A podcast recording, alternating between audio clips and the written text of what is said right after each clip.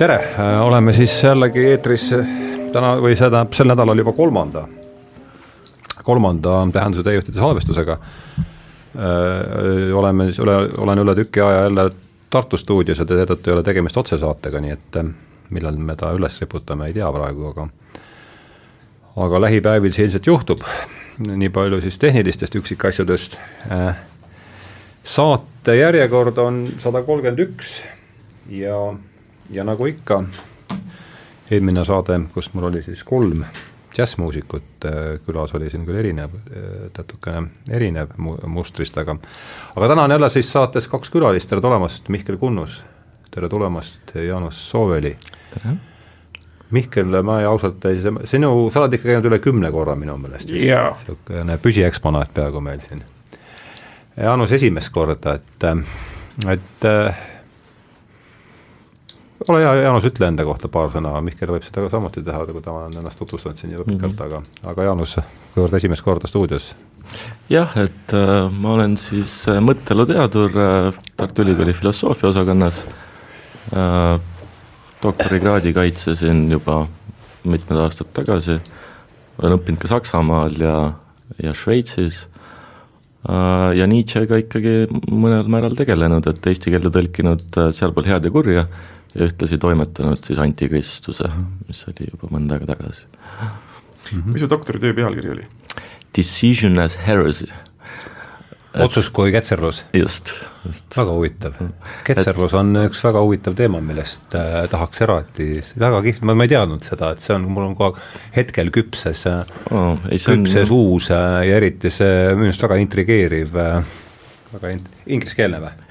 Äh, ta on ingliskeelne, et on artiklite põhjal, et seal on ka saksakeelseid artikleid, et paar ingliskeelset ja paar saksakeelset. väga reibas algus sellele vestlusele äh, nii. kes sinna säraks, ütle enda kohta ka siis palun veel. no praegu olen ma Postimehe hariduse teaduse külgede toimetaja, õppinud semiootikat ja keemiat Tartu Ülikoolis ja niisugune kultuurieugeenik, nagu ma ütlen enda kohta nii äh,, saate teema juba Jaanus äh, andis märku, et see on tõepoolest siis äh, Friedrich Nietzsche ja leppisime kokku, et seekord loevad külalised arutluse alla tulla, tulevast raamatust, mille nime me jätame, pealkirja me jätame praegu veel saladuseks.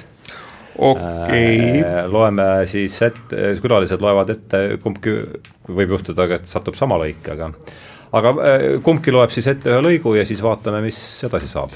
Jaanus, alusta. alusta, Jaanus, sina äh,. ma võin tõesti alustada, et see on hästi lühike lõik, vist kaks või kolm lauset. ja see on siis selle teose, mille pealkirja hetkel ei ole veel avaldatud äh, esimesest poolest või suhteliselt äh, algusest, et äh, on selline vana müüt, et kuningas Miidas jälitas metsas kaua aega tarka Sileeni Dionüüsose saatjat, ilma et oleks teda kinni püüdnud. kui ta Sileeni lõpuks kätte sai, küsis kuningas, mis on inimeste jaoks parim ja kõigest kõige suurepärasem.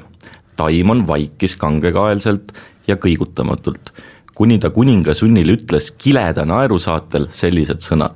armetu ühepäeva sugu, juhuse ja vaeva lapsed, miks sa sunnid mind endale ütlema seda, mida sul pole sugugi kasulik kuulda kõigist parem on sinu jaoks täiesti kättesaamatu, üldsegi mitte sündinud olla hmm., mitte olemas olla, olla mitte miski.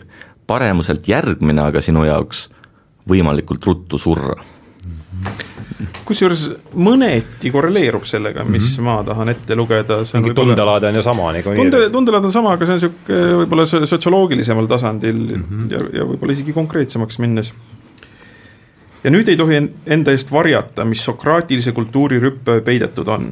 Ennast kõikvõimsaks pidav optimism. nüüd ei tohi ka ära kohkuda, kui küpsevad selle optimismi viljad. kui sedasorti kultuurist kõige sügavamate kihtideni hapuks läinud ühiskond hakkab vähehaaval pärisema külluslike meeleliigutuste ja himude all. kui usk kõikide õnnesse maa peal, kui usk üldi, üleüldise teadmiste kultuuri võimalikkusesse muutub vähehaaval ähvardavaks nõudmiseks Aleksandria maailmaõnne ja Euripidese teuseks Machina väljamananemise järele.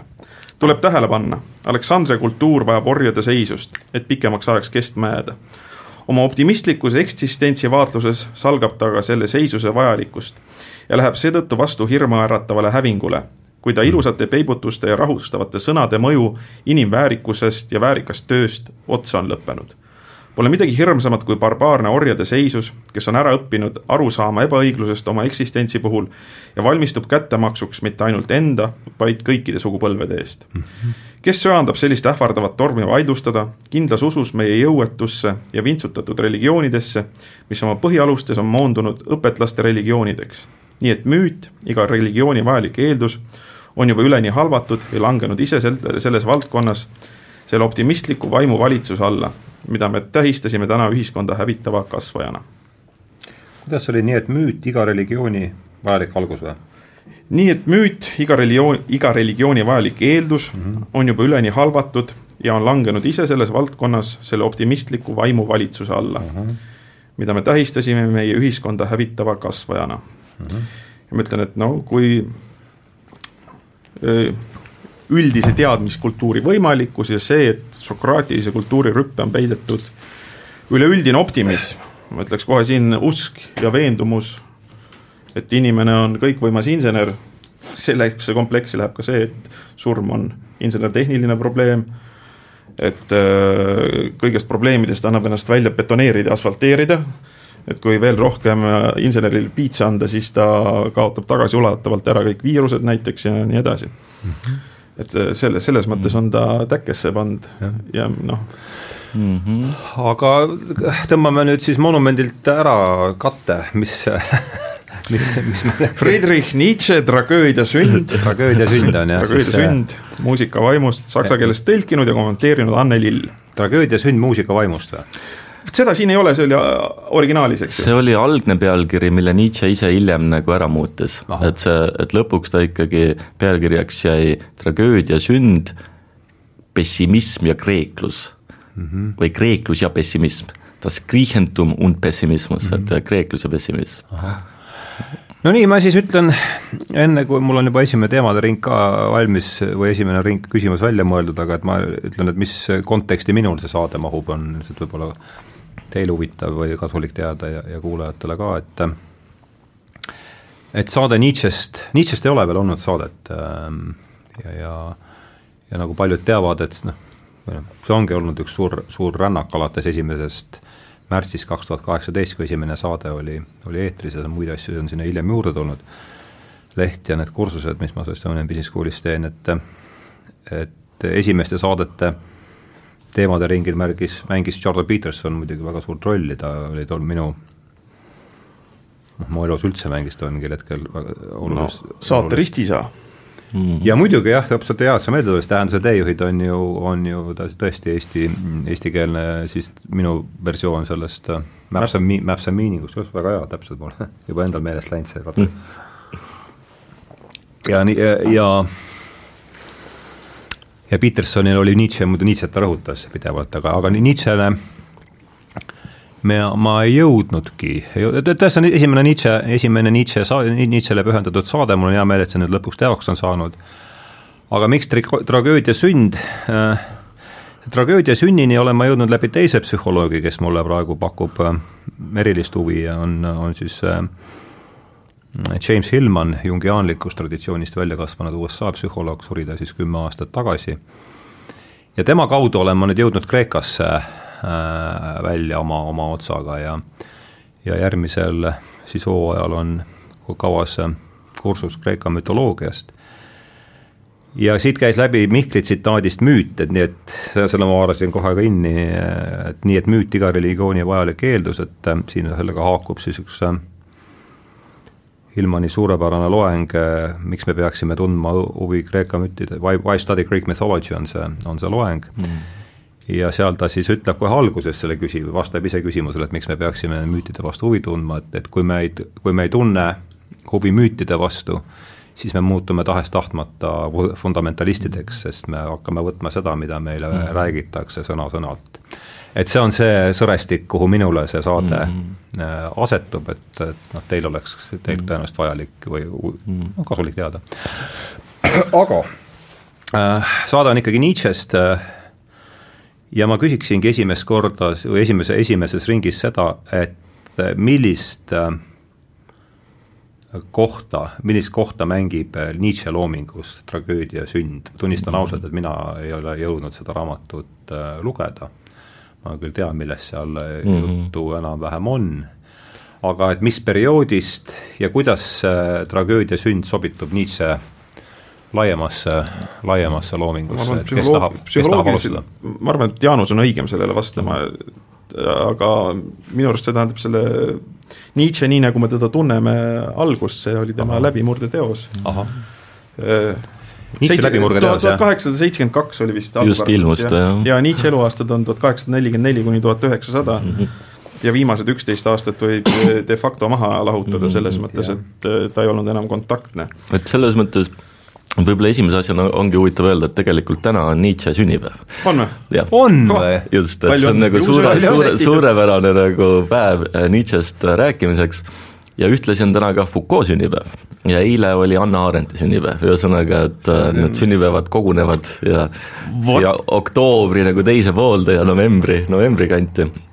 kas oli tuhat kaheksasada nelikümmend neli, tuhat üheksasada, tuhat üheksasada või? jah, just, viisteist oktoober uh,. William James sündis ka nelikümmend neli. nii et ta ei ole siis kolme, ta ei ole siis ju, mis ta siis ei ole, ta ei ole veel, ta, aa, ta on kolmkümmend täis saanud siis, kui see raamat ei, ei ta veel ei, ei ole, ta on kakskümmend kaheksa peaks ta olema, jah, sorry, sorry, sorry, et see oli tõesti ta nagu esiteos, et äh, aga võib-olla enne, kui isegi minna sinna päris tragöödia sünni juurde, võib-olla mainiks veel seda, et äh, et mis nagu muudabki, et siin oli noh, Petersonist korra juttu ja ja, ja, ja ma nimetasin Foucault korra, et mis nagu muudabki Nietzsche hästi põnevaks, on see, et ta on nagu kuidagi mõjutanud väga otseselt väga selliseid äh, erisuguseid, ütleme, mõttetraditsioone ja mõtteviise mm. -hmm. et, et tõepoolest äh, Peterson näeb Nietzsche's ühte oma väga suurt sellist mõjutajat ja õpetajat,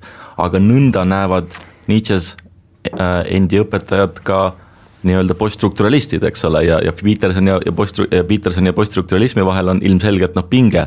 et, et see ongi nagu, nagu hästi huvitav. aga sa kasutad sõna poststrukturalism, mida mm, Peterson rääkis pa- palju postmodernismist, aga see on vist tõesti täpsem natukene. aga nad on siiski lähedased kindlasti. jaa, just, aga võib-olla jah, see annab ju olulise niisuguse nurga, huvitav.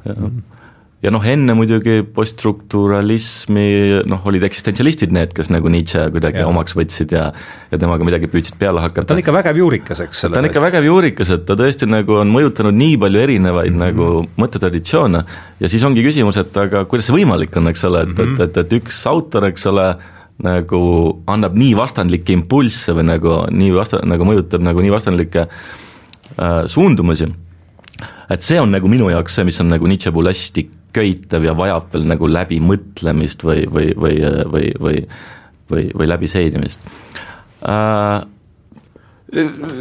jah, tähendab, ma olen, ma olen seal, no see ongi niimoodi, mis ma siin nõus olen või mitte, et mm -hmm. et tema järgijad või temast innustust saanud inimesed võivad ühe, üksteise suhtes olla üsna vaenulikul seisukohal mm. -hmm. et tõepoolest on väga viljakas ja, ja see on nagu huvitav, öeldakse, et igalühel on oma Nietzsche, kes teda loeb, tal on, tema tekstil on selles mõttes väga suuri kunstilisi väärtusi mm, -hmm. et ta on, sealt annab välja lugeda või ma ei ütle, ma ei ütleks isegi, et niivõrd välja lugeda, vaid ta võib mõjuda. ma arvan, et ta ise oleks sellega nõus, sest ta rõhutab ka esteetilise mõju primaarsust näiteks mm. teksti, teksti ees ja siinsamas tragöödia sünnis ütleb ta, et kui me loeme tragöödiat, Kreeka tragöödiat kui teksti, siis me jääme mingist põhiosast ilma, et me saame väga pinnapealse asja. Mm, -hmm. et niisugune olemismodaalsus või lugemismõju vastuvõtu modaalsus, sellest sõltub väga palju ja iseenesest see, tema esimene raamat tehti väga maha, see oli see pika keerulise nimega mees, Van Mollendorf. ja, ja. kui sa räägid ikkagi sellest, see, räägin... see ei ole esimene, tragöödia sünd ei ole esimene raamat, see on läbimurdeteos või? see on siiski esimene Esimene raamat, ta oli pidanud enne ettekandeid, ta oli avaldanud artikleid muidugi, sest muidu teda ja. poleks ju doktoriks promoveeritud, aga see on siiski nagu tema esikteos raamatuna selles mõttes. jah, kus ta ja... ikka nagu lööb rusika lauale mingis mõttes. ja see noh, Toomas Manni näiteks on ta väga tugevalt mõjutanud ja, ja noh, Toomas Mann ütleb niisuguselt, et see, see, kes selle maha tegi esimesena, see Möllendorf. Möllendorf, jah. Möllendorf, seal Vilamovitš oli vist ka veel. Vilamovitš, Möllendorf. Vilamovitš, Möllendorf, eks ju, ütles, kes oli toona väga austatud ja erudeeritud inimene et äh, Toomas Mann ütles, et noh, pärast Nietzsche tragöödia sünni mahategemist ta võis olla küll suur äh, haritlane ja õpetlane edasi, aga vaimukandjana oli ta ennast nagu täielikult äh, noh, diskrediteerinud. et see, see vaimu kandmine ja no ma ütleks, et äh, hästi filoloogiline või selles mõttes selline analüüs, mida, mida Nietzsche ei sallinud, eks ju, selles mõttes puhtalt tekstile keskenduv on, on tegelikult selle järelsõna, Anne Linne järelsõna, et kui ma seda järelsõna mõtlesin, et noh, ilmselgelt tegelikult asjakohane, erudeeritud niimoodi, aga läheb nagu tuumast mööda minu arust täielikult mm. -hmm kuigi see, see, on nagu noh, disrespect on niimoodi, ebaviisakas on minu arust niimoodi väljendada, aga, aga minu arust ta suhtub samamoodi. sest see, mida Nietzsche, mis ta elama paneb, on kuidagi no esiteks see, et ta kirjutab verega, eks ju mm -hmm., ta ei ole mingi kuiv analüüsija, vaid äh, no, ei kirjuta granditaotlust. jaa, ta ei kirjuta granditaotlust, vaid on tõesti nagu hingega, hingega taga, verega taga ja ma arvan, et see teda hulluks ajaski, et ta neid üheksateistkümnenda sajandi äh, kultuuripsühholoogilisi neur-, neuroose elas äärmiselt tugevalt omal nahal läbi mm. -hmm. mida võib öelda ka näiteks äh, William Jamesi kohta või tegelikult need inimesed, kes suureks said, need ikka tegid oma purgatooriumi läbi korralikult mm -hmm. ja ja Nietzsche sai see purgatoorium võib-olla lõpus kätte mm. -hmm. et, et siin taga on see tõeline elutunne ja kirg, eks ju, et kui ta ütleb, et Jumal on surnud, üks tema tuntumaid kujundeid või tsitaate, siis on see niisugune meeleheitlik karje või avastus mm, -hmm. eks ju. ta ei deklareeri võidukalt. ja seda rõhutas Peterson mitu korda, et see ei ole mingi võiduk. ahastuskarje, ahastuskarje pigem. just nimelt, just nimelt. et, et see paneb, teeb selle teksti nii mõjusaks ja elavaks, eks ju, et ta on siin verega taga eks ju, ta teab, millest ta räägib, ta on läbi tunnetanud see, millest ta räägib. ta on jah. jah, tõepoolest, et need äh, klassikalised filoloogid, kui see teos ilmus, et äh, noh, nemad ikkagi distantseerusid sel, sellest täielikult ja siis Vilamovitš Möllendorf, et tema siis oli muidugi väga kriitiline, kirjutas arvustuse sellest ja sellise väga hävitava arvustuse tragöödia sünni kohta aga siis muidugi olid ikkagi mingid tegelased, noh näiteks äh, Richard Wagner loomulikult, kellele see noh, see, kellele ta pühendab selle teose eessõna, esimese eessõna. ah muidugi, siis ta oli ju Wagneriga. siis ta oli Wagneriaan, siis ta oli just äh, ja, ja Richard Wagner kirjutab Nietzschele, et äh, midagi nii ilusat kui teie raamat pole ma mida, kunagi varem lugenud või midagi sellist, et ja siis muidugi oli ka noh, üks ikkagi klassikaline filoloog Ervin Roode, aga kes oli Nietzsche sõber, et tema ikkagi avaldas ka nagu hästi positiivse arvustuse selle teose kohta aga noh, Tallinitš jääb selles mõttes sõber ikkagi, et, et et, et jah, et aga siis tõepoolest ikkagi jah, et selline professionaalne filoloogia ikkagi suhtus sellesse halvustavalt ilmselgelt. Äh,, aga muidugi noh, see Dionüüsili, Dionüüsilisuse mõiste ikkagi nagu sai osaks, üsna ruttu nagu osaks kogu, kogu tollasest nagu noh, lääne kultuurist selles mõttes, et jaa, ja see Dionüüsilisuse mõiste on siin oluline, ma arvan, et kui kuulajatele lahti seletada, et, et no see nüüdseks vast suhteliselt tuntud eristus apolloonilise mm -hmm. ja mhm. dionüüsilisuse vahel. kaks poolust. Kak-, kaks poolust, sest need ei ole ju niisugused analüütilised mõisted, vaid need on kultuuripsühholoogilised tähelepanekud, ma ütleks pigem. eks ju, et inimesel on selline olemisviis, mida võib kirjeldada dionüüsilisena, me võime rääkida sellest kuidagi mikrotasandil, eks ju, et vahel on inimene purjus või vahel on ta ekstaatiline, vahel on ta elurõõmus, niimoodi trallib ja mõnikord hommikuti näiteks, kui ta on ilusti puhanud, öö oli, öö oli hea, joob tassi kohvi, eks ju, see tõmbab veel kõhuputru täis ka, siis tal tuleb niisugune klaar pilk ja ta hakkab hästi nobedasti askeldama, eks ju, ja muutub äh, Apollo, Apollo hakkab äh, ja Apollo võtab tema üle võimust. Ja, ja, ja no ma olen, ma olen mingis mõttes meie kultuuri kohta öelnud, et noh, et kui me vaatame, kuidas kultuur kuidas kultuur on mõjutatud sellest, milliseid äh, teadvusseisundeid muutvaid aineid nad kasutavad, see nüüd ei ole üldse minu mõte, siis et noh, meie kultuur on äh, alkoholi, nikotiini ja kofeiini kultuur et on kolm suurt kolm, kolm, kolm suurt jah ja., et, et sihukest äh, ilma kofeiinita nagu see, ma ei mäleta seda autorit, kes see antropoloog oli, et ütles, et tema oletas, et ilma kofeiinita ei saa sihukest tööstusühiskonda ja. püsti panna, kus inimestel on öised vahetused ja. Michael Pollan ütleb sama asja. no sihuke noh, nagu ritualiseeritud, hästi struktureeritud no. päeva, päevakord, töökava no., eks ju, et ilma kofeiinita seda püsti ei pane no nii on. kohvi tervise. ja seda ju tarbitakse meeletutes kogustes, no tohututes kogustes tarbitakse kohvi ja noh, me saame aru, et ta tõepoolest hommikul tõmbab pilgu klaariks ja ja, ja noh, teine asi on nikotiin ja need on kõik niisugused, tuleb niisugune apollooniline, askeldav, asine mm, asine kultuur, millel puudub see kontakt dionüüsilisusega, aga see tsitaat, mille ma ette lugesin, iseenesest, eks ju, ta ütleb, et selle varjus hiilib tohutu optimism mis just praegu on hakanud vastu seina. apolloonilise elutunnetuse. jaa, sest no insener on apollooniline tegelane, eks ju, see, kes vaatab mm -hmm. niimoodi, mis nüüd vaja mhm. kokku on nokitseda, anname teadlastele rohkem klotsi, eks ju mm -hmm., küll nad mhm. siis äh, saavad kõigist pro probleemidest lahti, et et need, millele ma vihjasin, vihjasin sellega, et noh, kõigist probleemidest, äh, kaasa arvatud rohepööre, eks ju, et äh, betoneerime ennast siit välja, asfalteerime -hmm. kõik ära, paneme rohkem elektrit püsti hiiglasliku tolmuimeja. teeme hiiglasliku tolmuimeja, destilleerime kõik tänavad desovahendiga ära, eks ju, et noh, niisugune mm. insenerlik hullus toimetab. Mm.. ja see, mida, mida seal tsitaadis ütleb, eks ju, et, et selle varjus hiilib hukatuslik optimism. Mm.. ja ma arvan, et miks see nihe tuli, et äh, miks, miks see optimism juba kinni kiilunud, oli see, et tegelikult tuli tööstusrevolutsioon ja orjasid hakkas asendama nafta ja vot see orjade klass hakkab alles praegu ära kaduma, et ma arvan, et tema ennustus, mis oli psühholoogiliselt täpne, antropoloogiliselt, antropoloogiliselt, psühholoogiliselt täpne, et fossiilkütused ja tehnoloogia lükkas sinna noh, sada pluss aastat natuke otsa mm. -hmm. ja et selles mõttes, et me näeme seda optimismi ja inseneriajastu kultuuri värinaid alustaladeni praegu.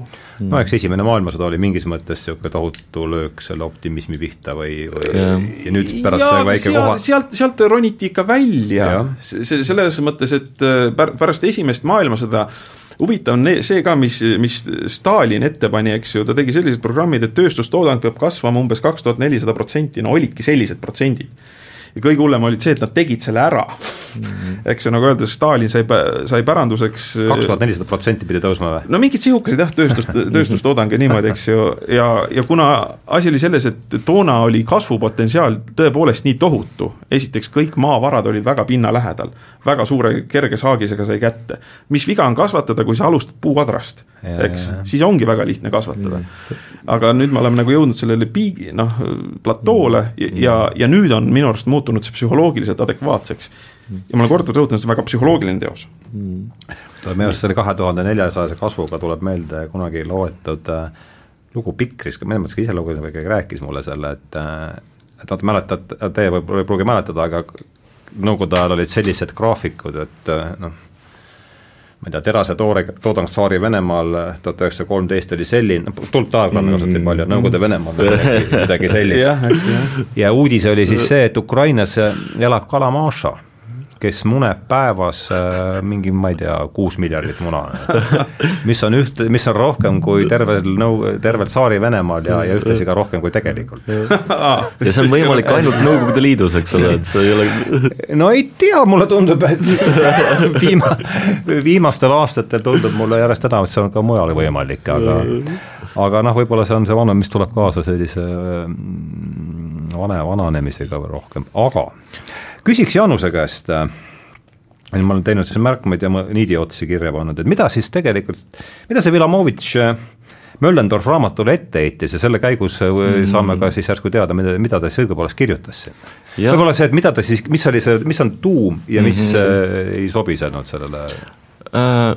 Noh, esiteks uh, Nietzsche ei lähene nagu tragöödia probleemile, ütleme, allika kriitiliselt või, või, või selles mm -hmm. mõttes, et ta noh, ta viitab väga vähe igasugustele allikatele ah,. see on juba paha. see on juba väga paha ja noh, ta ei noh, ei kasuta selliseid tüüpilisi äh, filoloogia allikakriitilisi meed-, noh, äh, meetodeid mm, -hmm. et et see on muidugi üks asi, et, et, et see on nagu lihtsalt selline noh, Villa, Villamovitš Möllendorfi arvates selline spekulatiivne aa, pseudo, tegemist on pseudoteadlasega?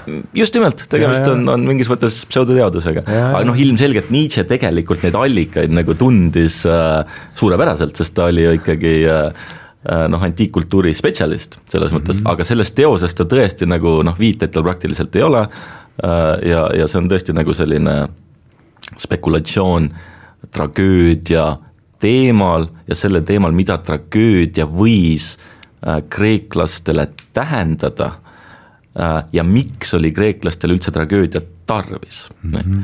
ja muidugi ta nagu siis nagu lahkneb nagu mitmel puhul sellisest tollal valitsevast arusaamast, et kreeklasi kujutati sageli selliste naiivsete, rõõmsate, nagu hästi kuidagi nagu ilutundlike, ma ei tea, ilutundliku rahvana, eks ole äh,, kus nagu ei olnudki mit-, noh, kui see olümpo, see Olümpose jumalate maailm, eks ole, selline helge kas see võib olla, et see romantistlik ajastu projitseeris ennast ise Kreekasse, eks ole, just mulle tundub, jah, jah. absoluutselt, et selline, seal oli selline klassitsist nagu Winkelmann, et tema Aha, just lõi selle pildi. eks ole. just, just, just mm,, et äh, ja siis valitseski tollal selline nagu arusaam kreeklastest, selline, et noh, et selline naiivne, rõõmus, helge, eks ole, rahvas, kultuur, äh, ja siis Nietzsche muidugi nagu pööras sellise arusaama mingis mõttes pea peale, mis okay. samamoodi loomulikult Mellendorfile ei saanud see, meeldida. see ärritas, eks see ärritas, et, et tegelikult seal oli ikkagi see noh, seesama äh, lause, mis ma alguses ette lugesin, et äh, see, see selline pessimism, eks ole, et, et, et see Sileenuse tarkus, et, et kõige parem asi on nagu üldse mitte olla või olla mitte miski ja teisena parem, et võimalikult kiiresti surra. et, et, et sellise nii-öelda naiivse helge kultuuri taustal oli tegelikult, aluspõhjas oli tegelikult ikkagi noh, mingi, mingi tohutu pessimism eks ole, või mingi tohutu traagika nagu kogemus või tunnetus. ja siit noh, see nagu, nagu äh, Mihkel rääkis, noh, sellest optimismist, eks ole, sellest optimismi poolest, et, äh, et, et tõepoolest, et äh, et tegelikult Kreeka kultuuraluspõjas oli just mingi selline tohutu traagika, selline, selline kuristikulisus, selline kuristikuline pessimism. vaata, see on, tuleb mulle meelde kohe Võlumäes peatükk Lumi kui Harstad näeb seda, ma ei tea, kas see tuleb sulle, millal sa lugesid Võlumäge? üsna ammu juba. vaata, aga peatükis Lumi näeb, Hans näeb und, kah üks on see, täpselt ongi see apollooniline pilt, mm. tuleb sulle meelde? Apollooniline, see on, see on täpselt, seal on see vastandus ja, ja väga ja, ilusti poeetiliselt välja joonistatud. ja, ja see on nagu just, just, et see on nagu psühho-, psühholoogiline, miks, miks oli Friedrich Nietzsche pseudoteadlane, just sellepärast, et ta kasutas äh, psühholoogia vahendeid. ta kujutas, kujutles ennast sellesse maailma, mis tunne on olla kreeklane toona mm -hmm. selle kultuuri liige, eks ju, ta kasutas just, empaatiat, ta kasutas just, kujutlusvõimet. analoog, töötas analoog, analoog ta töötas analoog, analoogsignaali pealt ja noh, näiteks Spengler, kes on äh, samamoodi väga kõrgelt Nietzsche't äh, äh hin-, hindas just tema meetodi poolest, et äh, no Spengler on samamoodi, Spengleri on samamoodi, eks ju, need, kes vaatavad, kontrollivad fakte ja allikaid, eks ju, need lasevad Spengleri ka sõela põhjaks. aga, sest asi on selles, et sellist tüüpi inimesele on niisugune teatud faktiline korrektsus noh, mingis mõttes teisejärguline, sest ta kasutab seda psühholoogilise seisundi väljendamiseks.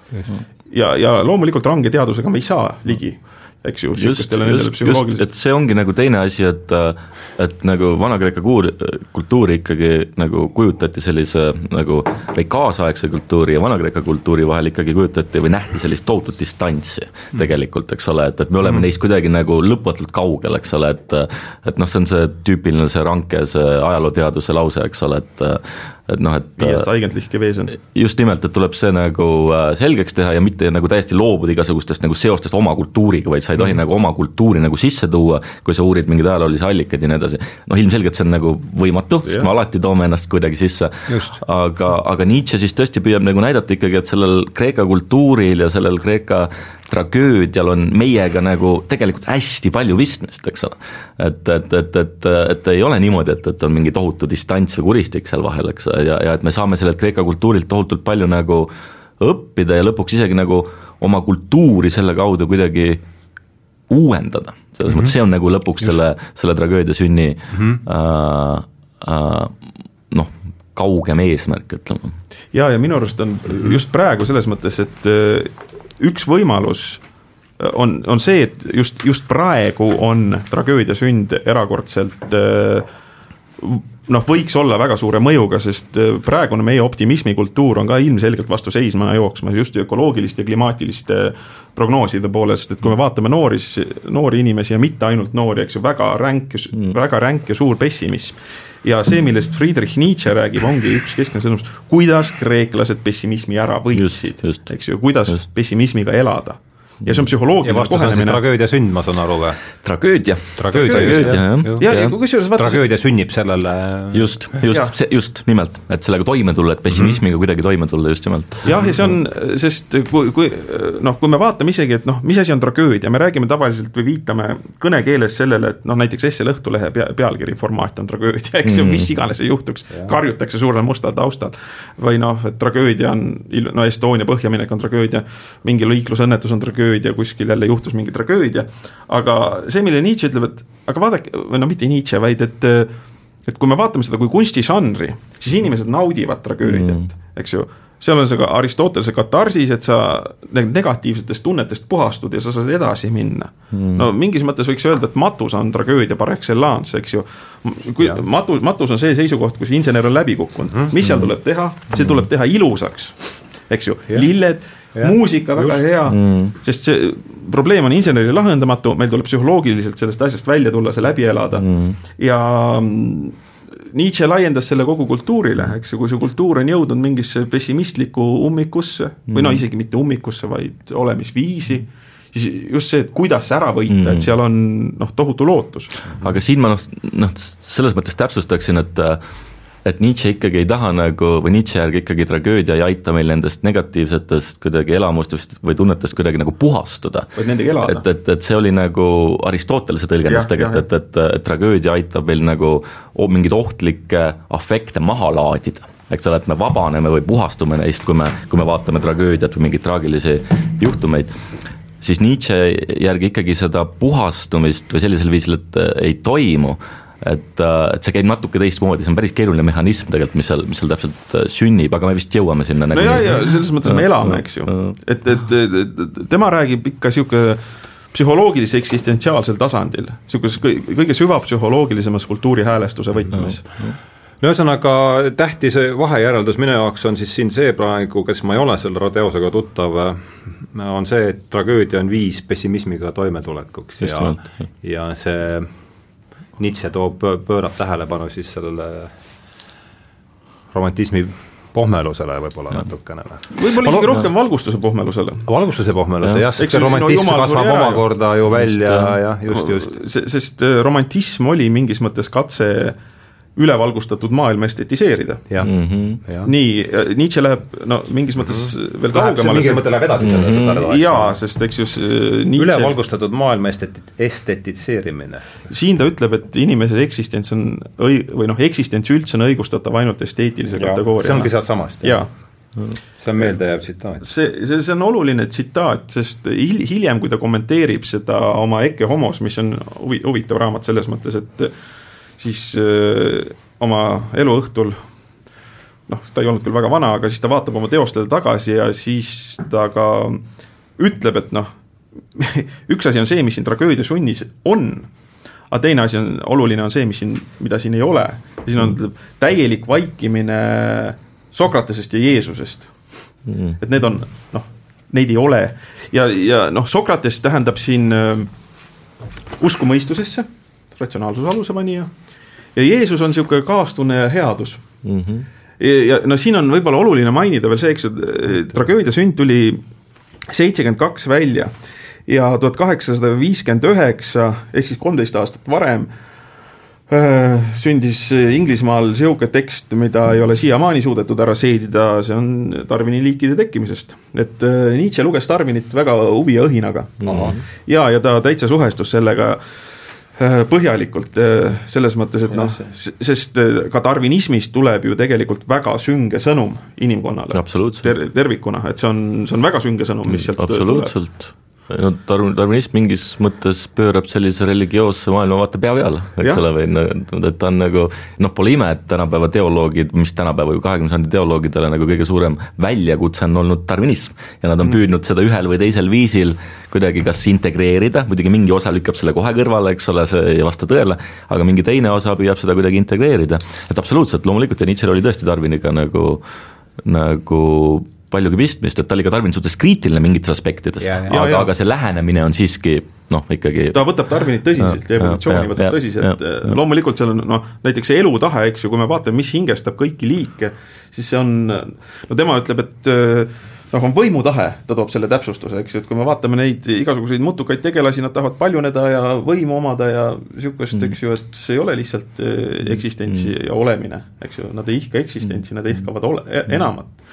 Aga traagiliseks teeb selle see, et eh, see on noh, me konkureerime, kõik organismid konkureerivad mingitele ressurssidele ja on lõplikud ja nii edasi, eks ju, et sealt tuleb see väga, väga traagiline müüt ja loomulikult veel see, miks ta on oma, oma teises väga tuntud teoses Antikristus, ütleb, et siit et see, et kristlus on kuritegu par excellence, on kuritegu elu vastu mm. -hmm. see on, ja, see on antikristuses, eks? jaa, ja, ja just sellepärast, et ta jutlustab äh, surmajärgset surmajärgset maailma, et surmajärgne maailm on kuidagi olulisem ja tõelisem mm. -hmm. ja teine asi, mida ta väga ette heidab, on see, et no, Kristus paneb... on platonism asjadele nagu jaa, seda ta ütleb ka. seda ta ütleb, eks ole, see on ju tema, täpselt, see on tema tsitaat.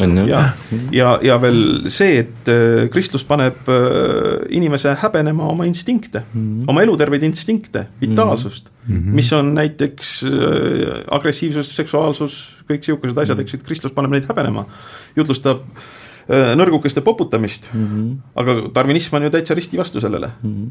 -hmm. kas ma tohin hästi väikse nagu tee isegi suur. ise katkestuse teha sellesse nagu, et me kohe, kohe lähme nagu, nagu sisuliste asjadega edasi, aga, aga et tõlkelised asjad, et ma näen seda, mul lihtsalt nagu silm haavub, kui ma näen seda Antikristuse väljaannet, mis sul seal laual on, Mihkel, et, et see on nagu väga-väga halb tõlge. selles mõttes, et, et see on nagu sõna otseses mõttes valesti tõlgitud, et, et kui Aha, sa, et, mis see oota, kunas, kas see tõlgiti, see see tõlgiti ju hästi vana, vanasti ka. see on hästi vanasti tõlgitud, et ja siis mind nagu kutsuti seda ümber kõigepealt, kõigepealt toime, või tähendab, kõigepealt ümber tõlkima tegelikult, aga siis ma ikkagi toimetasin seda. ja siis sellest on nagu uus väljaanne, mis on siis ka noh, mingite kommentaaridega. Ja, ja kus nagu ma loodan vähemasti või ma arvan, et enamik nagu tõlkelisi apsakaid on nagu ikkagi üles leitud ja ära parandatud, aga see on nagu tõsiselt halb tõlge, et seda ei ole võimalik tegelikult lugeda, et, et aga ma tegin seda, ma tegin seda, eks ma siis loen üle uue asja. ja noh, sa võid võrrelda nagu seda, seda noh, isegi saksakeelse või ingliskeelsega, et siis sa no või, või selle eestikeelsega, siis sa näed, et tegelikult kui problemaatiline see on. ja tegelikult mingis mõttes seesama noh, palju väiksemal määral puudutab ka seda tragöödia sünnitõlget tegelikult, et see on ilmunud kaks tuhat üheksa, et, et see on nagu noh, üldjuhul ikkagi loetav tõlge, aga, aga ma ütleks niimoodi, et iga kolme lehekülje tagant on siin ikkagi mingi lause valesti, sõna otseses mõttes valesti tõlgitud, mis pöörab nagu tähenduse pea peale. et, et ma olen kunagi, kui see raamat ilmus, ma, ma kirjutasin selle kohta ka tõlkekriitilise arvustuse, et et äh, seda on Sirbist võimalik lugeda, kus on nagu need noh, mingid problemaatilised kohad äh, välja toodud, et ma noh, rohkem ma sellele, aga, aga iseenesest see on nagu, mis muudab selle väljaande ikkagi nagu noh, mingis mõttes ka heaks, et et Anne Lillel loomulikult on see hästi hea Kreeka taust. ja nagu selles mõttes nagu Nietzsche ja kreekluse suhte kohta õpib sellest äh, väljaandest palju, et selles mõttes on see ikkagi nagu täiesti adekvaatne nüüd Nietzsche filosoofia kohta muidugi palju vähem, sest noh, Anne Lill on klassikaline filoloog, eks ole, ja nagu Mihkel ka vist ütles, et sellise järelsõnas, et Anne kuidagi ei saa nagu, või et see järelsõna kuidagi ei saa nagu pihta, eks ole, mingitele asjadele ja nii noh, selles mõttes ongi sellele psühholoogilisele tuumale ei saa pihta. jah, just, just, just, just, aga kõik, mis nagu kreeklust puudutab, et selles mõttes on see ikkagi hea väljaanne. tõlge ei taba siis tõlge... Nietzsche psühholoogilist tuuma. kommentaarid. kommentaar, aga tõlge on kohati nagu ikkagi selles mõttes kehva, et siin on laused, mis pööravad Nietzsche mõtte pea peale. jaa, ja kusjuures ma olen neid märkmeid siia vahele teinud ja kirjutanud, ühe, ühe, ühe ma loen ette, see on ka hea, eks ju, see on siis õige lause, et mida enam ma märkan looduses kõike valitsevat kunstitungi ja selles innukat igatsust näivuse järele, näivuse kaudu lunastuse leidmise järele, seda enam tunnen ma tõmmet metafüüsilise vaateviisi poole, et tõeliselt olev ja ürgühtne kui igikannatav ja vastuoluline vajab ühtlasi oma pidevaks lunastuseks kütkestavat nägemust, mõnusat näivust. et äh, mulle meeldib see, et kus ta ütleb, et noh, juba, juba see, et ta räägib kõik elav, et tema, tema vaateviis oli selles mõttes uus, et ta oli darwinistlik, noh, Jordan Peterson on selle täielikult omaks võtnud, eks ju, ta võrdleb kogu aeg meie evolutsioonilise minevikuga meid praegu, evolutsioonipsühholoogia või noh, Jaan Valsinerilt tuli kultuuripsühholoogia välja ja nüüd Jaak Panksepp, mida antakse mis on varsti ilmumas. kas ka Peterson, Peterson palju rääkis? jaa, ja väga tunnustab, et Franz de Waal ja kõik need noh, et meie emo-, noh, praegu on see neuroloogilise või noh, neuroteaduslikult täiesti selgelt teada, et me jagame emotsioone noh, näiteks oma lähimaste sugulastega täielikult kohe, et, et see on, see on päevselge ja see mõistuse neokorteks mm. ja sõnaline asi, see on sinna hiljem peale kasvanud, aga see vana kihistus on kõik alles mm. -hmm. ja, ja, ja noh, nii Nietzsche tabas, tabas selle ära, eks ju, noh. ja, ja siis ta ütleb ka, et kogu loodus igatseb näivuse järele mingis mõttes mm. -hmm. see tähendab, et sellel näivusel on ka oluline evolutsiooniline funktsioon. anna sellele väitele, see on jällegi, ma teile mõlemale palun see küsimus, et see on intrigeeriv, kogu loodus igatseb näivuse järele, et andke, see on täitsa no võiks isegi viidata Goethele, kus Goethe ütles, et äh, meil on väga suur vaja, vajadus joovastuse järele eks, et me, me ei saa sellega ilma hakkama, et tegelikult see pidev apollooniline seisund paneb meid kinni kiiluma. aga, aga me, me ei pane seda võib-olla tähele, sest me oleme ära harjunud juba sellega, et me me uimastume ja teadvusseisund muutub täiesti regulaarselt ja normaalselt iga päev, eks ju, meil on õhtul muutume natuke uimasemaks, natuke meelelisemaks, siis üldse lähme unenägude maailma ära mida mõned kultuurid on väga tähtsaks pidanud, Jung pidas väga tähtsaks unenägusid, eks ju, et, et see on kõik ju psüühika osa. Hilman samuti. jaa, et see, et see on no, kõik psüühika osa, et, et noh see apollooniline vaike seade võtta, mida võt-, mille, mille on kusjuures minu arust filosoofia omaks võtnud äh, suuresti, et et ta võtab normaalse olemisena ja normaalse teadvusseisundina just seda hommikukohvi järgset äh, olemist. see on see kartesiaanlik mina mm., ole. jaa, vaata kusjuures oota, aga võtame, arm-, anname ikkagi Jaanusele ka vahepeal sõna, et kusjuures ta on nagu profim selles asjas, ma siin targutan jah, et, kogu, kogu loodus igatseb näivuse järele, et anna palun sellele sina ka seda just, liha, liha juurde. just, et see tegelikult puudutabki nagu kogu selle teose tuuma, et äh, et äh, kui Nietzsche kirjutas tragöödia sündi, siis ta oli veel tugevalt mõjutatud Schopenhaueri mm -hmm. filosoofiast ja siin teoses ta mainib mm -hmm. ka Schopenhauerit mitmel puhul ja muidugi väga positiivselt, hiljem ta nagu distantseerub Schopenhaueri mõtlemisest mõnevõrra. ka Wagnerist. ka Wagnerist täpselt äh, ja noh, Wagnerist eriti noh ikkagi nagu ühesõnaga äh, loodus igatseb näivust, et Schopenhaueril on niimoodi, et, et kogu nagu, ja selle ta võtab Schopenhauerilt üle, et kogu olemasolu või maailm või eksistents on tegelikult oma aluspõhjalt selline igitunglev, igavesti rahuldamatu elutahe. nii, ja see on selline vastuoluline elutahe ja kuna me kõik inimesed ja tegelikult ka materiaalsed objektid on nagu osa sellest äh, elutahtest või ütleme, selle elutahte objektivatsioonid et, et siis äh, kõik, mis on, on kannatav. ühesõnaga, sest see, see tahe ise on selline vastuoluline, kannatav, igitunglev, igavesti rahuldamatu ja nii edasi. nii, ja Nietzsche seda, seda tahet selles teoses Nietzsche nimetab ürgühesuseks, ta räägib siin ürgühesusest. ja see ürg... ah, see on tema vaste siis? sellele Schopenhaueri elutahtele, just, selles teoses, hiljem ta nagu öeldud, loobub sellest või ta ei kasuta seda enam et, et see on Parmenidese ju, eks ole, mingil määral. jaa, läheb sinna. kindlasti sinna, sinna tagasi, kindlasti, kindlasti. ja nüüd see, see igi, see ürgühesus, see, see vastuoluline kannatav ürgühesus, see vajab, see vaat, et selles raamatus on Nietzsche veel metafüüsik, et tal on selline metafüüsiline maailmavaade mm, -hmm. et see ürgühesus, see igi kannatav ürgühesus, vastuoluline, see vajab enese lunastuseks näivust, eks ole, et see on selline selline kannatav, vastuoluline mingi tung, eks liigi rahuldav ja nüüd see, selleks, et nagu oma kannatusest kuidagi nagu korrakski vabaneda, vajab ta näivust, eks ole. ja nüüd, mis tekitab selle näivuse, on kunst. ühesõnaga, see ürgühesus vajab näivust ja see, mis loob näivust, on kunst. nii, ja nüüd kunsti kaks sellist põhiprintsiipi Nietzsche järgi ongi apollooniline ja dionüüsiline. aa, need on kunstiprintsiibid tal ka, jah. just ja selles mõttes nagu, et, et Mihkel on nagu seni nagu äh, apolloonilist ja dionüüsilist nagu või kuidagi nagu apolloonilist nagu nagu hästi maha mänginud ja dionüüsilist nagu hästi suureks teinud, mis mingis mõttes nii ongi, aga tegelikult tragöödia sünniks ikkagi on vaja mõlemat, on vaja mõlemat poolt, selles mõttes, et ainult dionüüsilisest ei, ei piisa, või selles mõttes ainult dionüüsiline mõjuks hävitavalt, ta mõjuks destruktiivselt no,. et selleks on, kuidas? see on alkoholism näiteks äh, täpselt, et, et ta, et ta kirja-, et, et ta kirjeldab seda, kuidas, kuidas see Dionüüsilis või see Dionüüsos kuidagi sealt Väike-Aasiast sinna Kreekasse jõudis, aga et Väike-Aasias Dionüüsilisus väljendus selliste seksuaalsete orgiatena, kus oli noh, selle sadomasohhismina mingis mõttes sellise noh, selliste tõesti sellise enesehävituslike noh, praktikatena,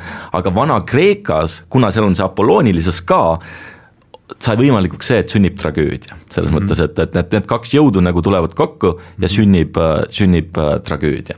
ja, ja nagu mõlemad, mõlemaid on vaja noh, kuidagi kultiveerida, tasakaalustada selles mõttes, et need instinktide algmed on mõlemas olemas ja miks ma seda apolloonilist olen äh, siunanud siin praegu ja ma tõesti olen seda teinud, on see, et meie, meie kultuur või mainstream kultuur on see on nii palju selle märgi all praegu. see on nii palju selle apolloonilise kultuuri all, eks ju, see on niisugune, aga insener on, insener on krampides, insener on kinni kiilunud kiilund on minut ees, eks ju, et seda, mhm. seda mm -hmm. me siin õues näeme, et noh, rohepööre on üks tervikuna üks insenerikramp, reaktsioon pandeemiale on üks insenerikramp mm, -hmm. et niisugune äh, psühholoogiline kohastusmisvõime või väga tähtis mõiste, mis Nietzsche'l on, on äh, saatuse armastus mm, -hmm. eks ju, et sa pead sa pead saatust armastama mingis mõttes, et me ei rabele oma saatusest välja. Mhm. noh, me võime täiesti biofüüsikaliselt öelda, et me ei rabele välja Äh, termodünaamika teisest seadusest või ökoloogilisel tasandil öelda, et äh, lepi sellega, lõppematu kasv piiratud tingimustes ei ole võimalik mm., eks, see, mis meid on viinud siia äh, praegusesse täiesti eksistentsiaalsesse kriisi ja igikestvasse pessimismi allikasse, ehk mm. siis kliima, kliima ja keskkonnakriisi, mm. on see, et insener arvas, et ta saab ennast siit välja arendada, mm-hmm. eks. Aga ja, ei saa. see on, see on põnev, kuidas nagu Mihkel äh, noh, tõmbab kogu aeg neid seoseid nagu kaasajaga ja absoluutselt nad on, nad on, nad on täiesti olemas selles see mõttes, et see on see psühholoogiline kihistus, eks ju. Nad on absoluutselt olemas, et, tõepoolest, et, et see tragöödia nagu noh, ta sünnib, eks ole, noh Nietzsche järgi, aga siis ta mingil hetkel ikkagi hääbub, sureb, nii, miks ta sureb? ta surebki tõepoolest äh, mingisuguse ratsionalistliku optimismi sünniga äh, Vana-Kreekas, kus seda traagilist elementi, seda traagikat kuidagi nagu tahetakse vaibaga kinni katta, seda ei olegi olemas, eks ole, et, et mis no. on, ongi selline ratio-, ratsionalism, selline loogiline mõtlemine, eks ole, dialektika, dialektika septembriini selle..., septem-, septembriini ja tänapäeva meditsiinisüsteem, eks ju. Iga surm on eksist-, inseneri läbikukkumine ja tuleb rohkem insenerile piitsa anda mm -hmm. ja kommi anda. ja, ja, rohkem... ja vastutusele võtta, kes ja, äh, läbi kukub. et selles mõttes, et noh et see, mis meie kultuuri praegu iseloomustab, noh, surm on üks tragöödia, niisugune argi, noh, argitragöödia mingis mõttes ja paratamatu, eks on oma lähedaste surm.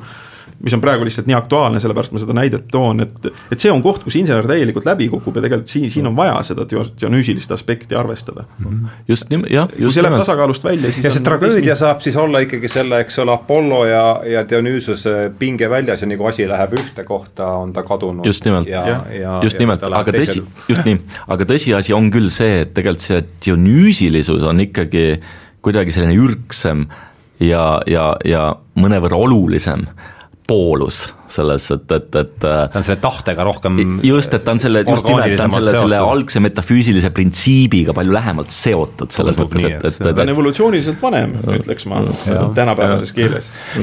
kui tragöödia tuli sisse, siis ma, ma pidin arvuti välja võtma, et teile lugeda ette see tsitaat, mis pärineb Alfred North Whiteheadilt ja ja tahaks teie kommentaari, et se-, seoksite selle, selle Nietzschega, et äh, niisiis ütleb Alfred North Whitehead, kaasahaarava, kaasahaarava tragöödia põhiolemus ei peitu kurbuses, vaid sündmuste käigu pühalikus halastamatuses. saatuse paratamust, saatuse paratamatust valgustavad inimelu juhtumid on aga tõepoolest kurvad, sest pääsemise võimatus tehakse meile näidendis selgeks just läbi selliste juhtumite. et tragöödia tunnuseks ei ole mitte kurbus, vaid sündmuste käigu pühalik halastamatus ja kuidas see seotub, kuidas see sõltub või kuidas see seondub müütidega ja kuidas see sõltub Just. sellega, millest no ma ütleks, et väga hästi valitud tsitaat, sest see no,, millele ta viitab, on saatus, eks ju. ja saatus on see, mille vastu me ei saa. ja see on kusjuures Tammsaarel, Tammsaarel on saatuse motiiv väga tugev ja Tammsaare on ka üks Tammsaar oli väga varakult ja väga põhjalikult Nietzschega kursis, kusjuures siin meie maailmas väga hämmastavalt isegi. Et äh, ja, ja tema essee Inimese jälil polemiseerib sellega väga võimsalt, et noh, Nietzschega? jaa, Nietzsche, Tammsaar, Tamm, Tammsaaret on Nietzsche kindlasti väga mõjutanud. no Tammsaarel on isegi üks essee, Nietzsche üleinimese kuulutaja et see on noh, väike selline kokkuvõtlik Nietzsche mõtlemise selline kokku, Nietzsche mõtlemist kokkuvõttev essee või selline, selline kirjutis. Öelge palun nimed veel, üks Nietzsche Friedrich Nietzsche üleinimese kuulutaja vist oli selle pealkiri, et mm. teine, oli... teine on Inimese jälil, see on niisugune väga huvitav ja põhjalik essee, kus ta kaardistab noh, inimeksistentsi, no Nietzsche on üks mõtleja seal paljude hulgas mm., kelle, kellele ta viitab, ühesõnaga ta võtab parasjagu kokku toonase ajastu eksistentsiaalsed mõttesuundumused mm et see on väga võimas essee, väga hästi kirjutatud, kus noh, Tammsaare on kogu aeg hästi kirjutanud enam-vähem et, et, et, et selles mõttes jah, ja see tsitaat, mille sa tõid, see on noh, see on saatuse armastus. et, et noh tra, tragöödia ja saatus kõla, kõlavad kokku selles mõttes ja, ja saatus tuleb see, kui me vaatame neid asju meie elus, mis on vääramatud mm. -hmm. ja, ja, ja kusjuures need on noh, mingis mõttes need olulisemad asjad ongi vääramatud, sünniaeg näiteks, eks ju, meie elukaare paratamatu lõppemine surmaga, sünnikultuur, sünnikoht, mm. eks mm.. et ma pean ennast küll parandama praegu, et selle Tammsaare essee nimi siiski ei olnud Üliinimese kuulutaja. ma seda nime praegu ei leia, aga see Üliinimese kuulutaja oli hoopis Friido Toomuse üks selline väike monograafia Nietzsche'st, mis on nagu võrdlemisi elulooline. aga ma vaatan, kas ma selle Tammsaare essee pealkirja ka üles leian niikaua kui sa otsid, ma, ma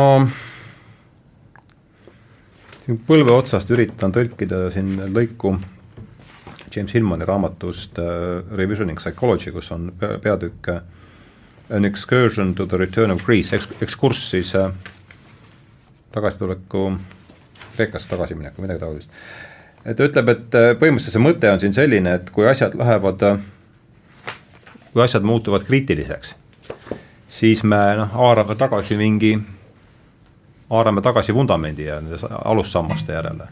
ja põhimõtteliselt noh, mõte ei ole uus, meil on kaks sammast, mille järgi siis haarata, üks on siis äh, äh, Hillman nimetab need hellenismiks ja hebroismi äh,, no see hellenism ja juutlus põhimõtteliselt, Ateena ja Jeruusalemm on meie need äh, kaks sammast ja mis on nüüd huvitav ja siit ma tahaks äh, teie arvamust kuulata, et, et ühesõnaga kaks alussammast meil on siis Ateena ja Jeruusalemm, niimoodi piltlikult, need ei ole küll need sõnad, mida ta siin kasutab, aga et nad äh, esindavad kahte psühholoogilist alternatiivi, üks on äh, siis multiplicity on paljusus mm -hmm.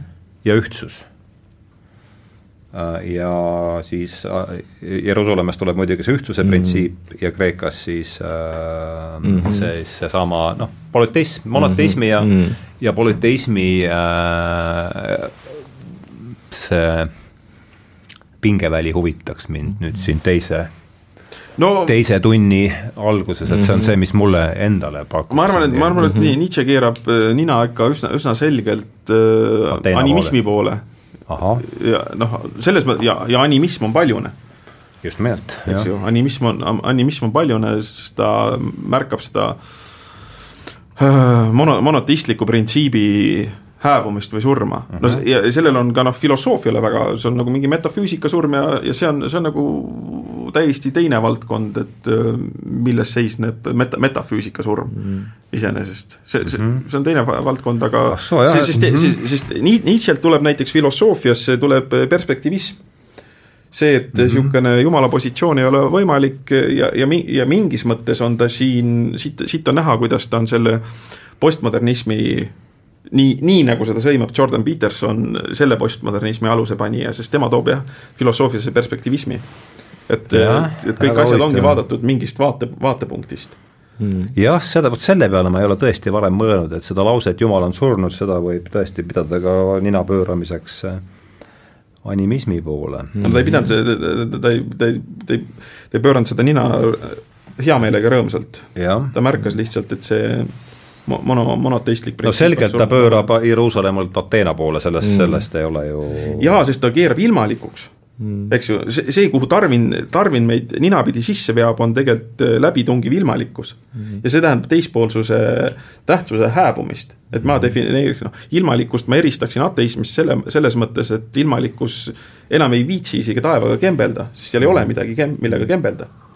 Mm.. eks, ja see tähendab, et sa ei saa ka süüdistada kuskil ta ütleb, et see on vist Ecce Homos ütleb ta Stendhali kohta minu arust, et et see on üks, üks tsitaat, mille autor tahaks ta ise olla, et jumala ainus vabandus on see, et teda ei ole olemas. Et ta, ta on, ta on üldiselt väga kitsi kiitustega. Ja, ja mis mind tema juurde kunagi viis, on see, et ta ütleb, et üks väheseid, kellelt mul midagi õppida on olnud, on Dostojevski. ja see näitab tema psühholoogi, noh, tema orienteeritust psühholoogilise poole psühholoogilise ja fenomenoloogilise poole. jah, sest ateism ja see, see haakub väga mulle, mis see John Gray tsitaadiga või John Gray mõttega pigem tsitaat, et ateism on, on sisuliselt kristluse hereesia, sest tal on, tal on tähendus ainult monoteismi kontekstis mm, -hmm. et et kui vana kreekla, kreeklase käest küsida või kreeklane ütleb, et ma ei usu jumalasse, siis järgmine mm. küsimus on, et see on hea, okei okay,, aga millisesse mm. jumalasse sa ei usu siis, eks, mm. et mm.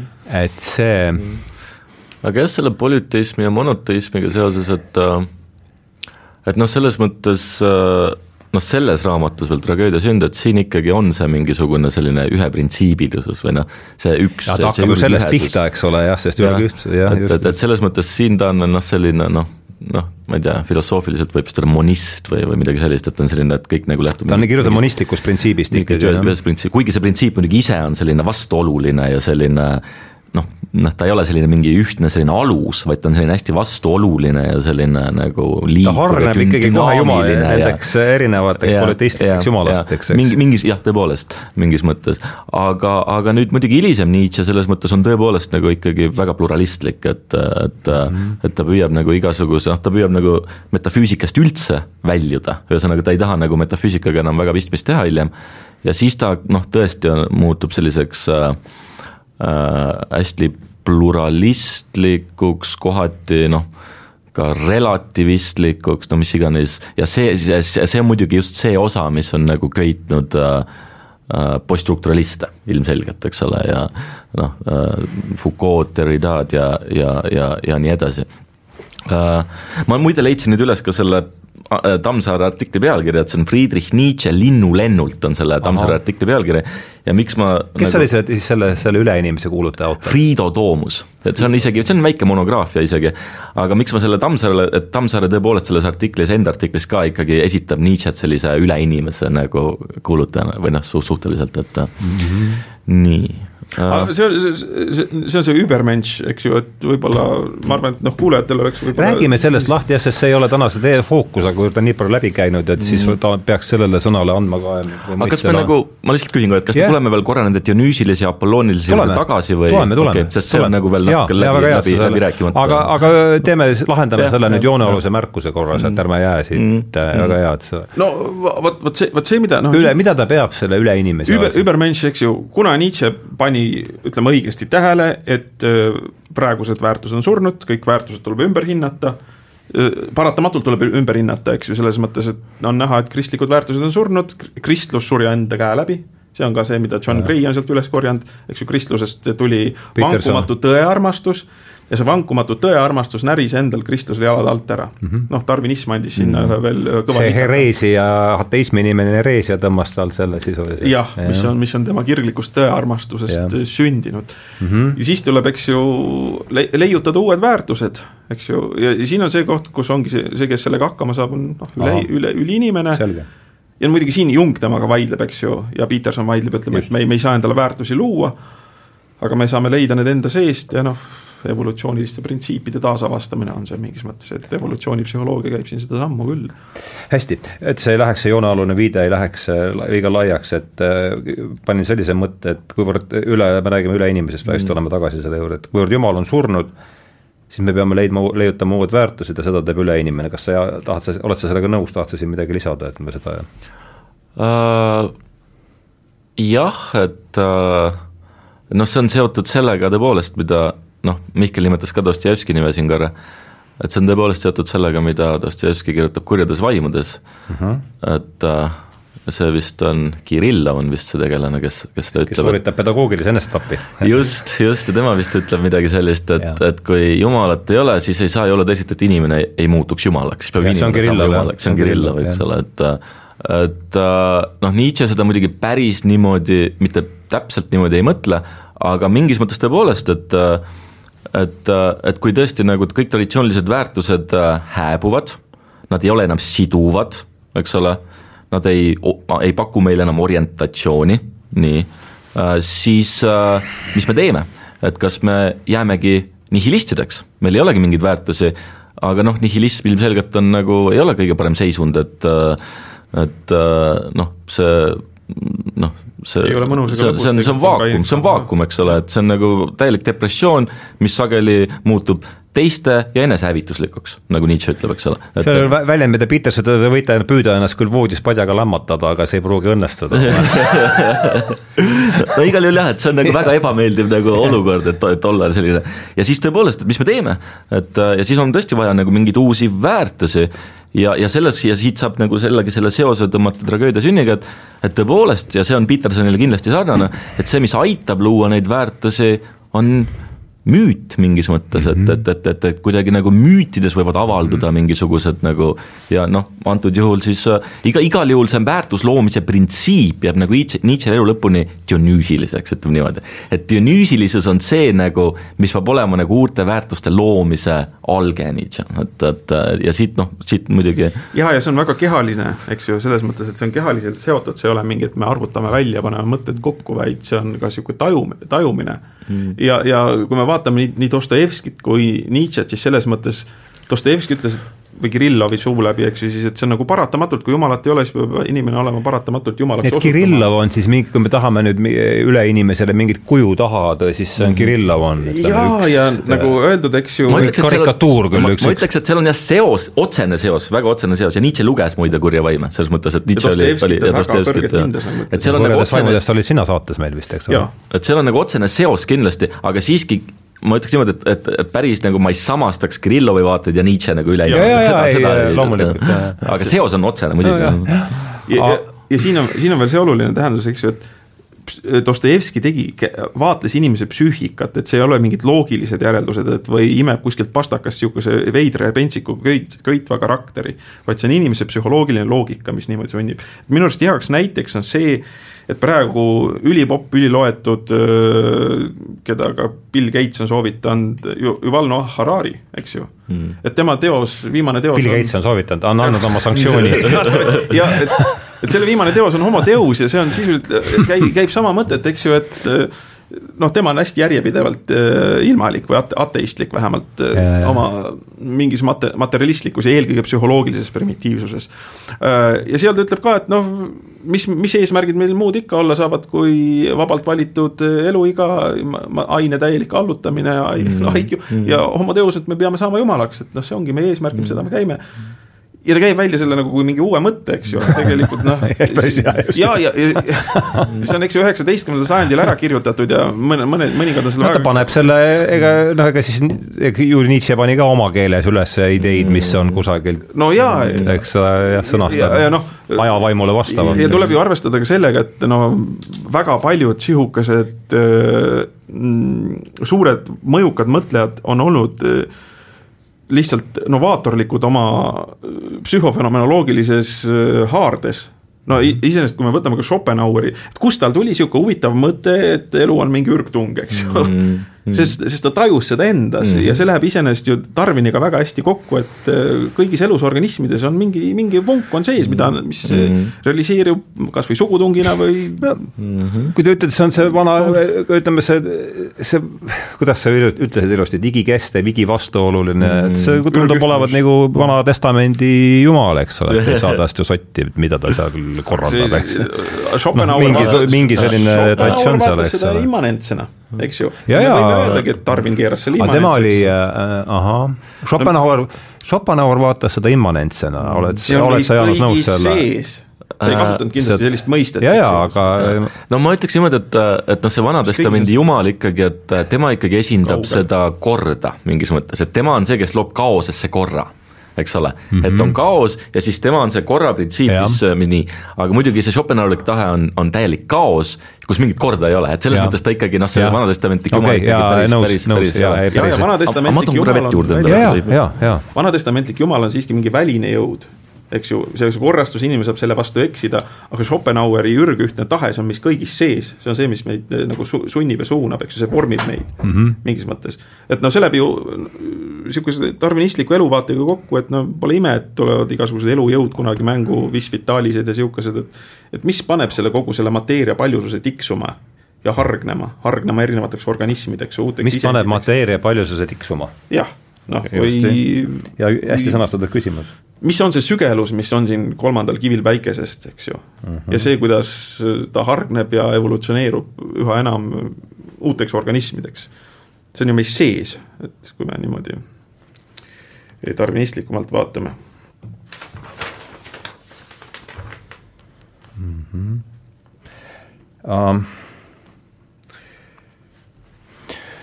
nii no, ja, ja muidugi mu muusika eks ju, muusikas väljendub puhas tahe, ütleb noh, Schopenhauer ja selle, selles, selles on ka see no saksa rom-, romantilises traditsioonis, eks ju, ja mida tähendab romantiline traditsioon, ma ütleks, et see on fenomenoloogilisem ja psühholoogilisem traditsioon vastuseis. ja kindlasti vastu, vastuseis või vastureaktsioon siis valgustusele. jah eks, et äh, sealt on bioloogid ikka vastu, äh, vastureaktsioon ülevalgustatud maailmale, mis üritab siis äh, sa ütlesid estetitseerimine, et see on, ta üritab siis romantistab pooltoonid kuidagi tagasi. üritab pooltoonid tagasi tuua ja ma tahaksin öelda seda, et väga paljud sealsed teoreetilised bioloogid on jõudnud muusikaliste metafoorideni.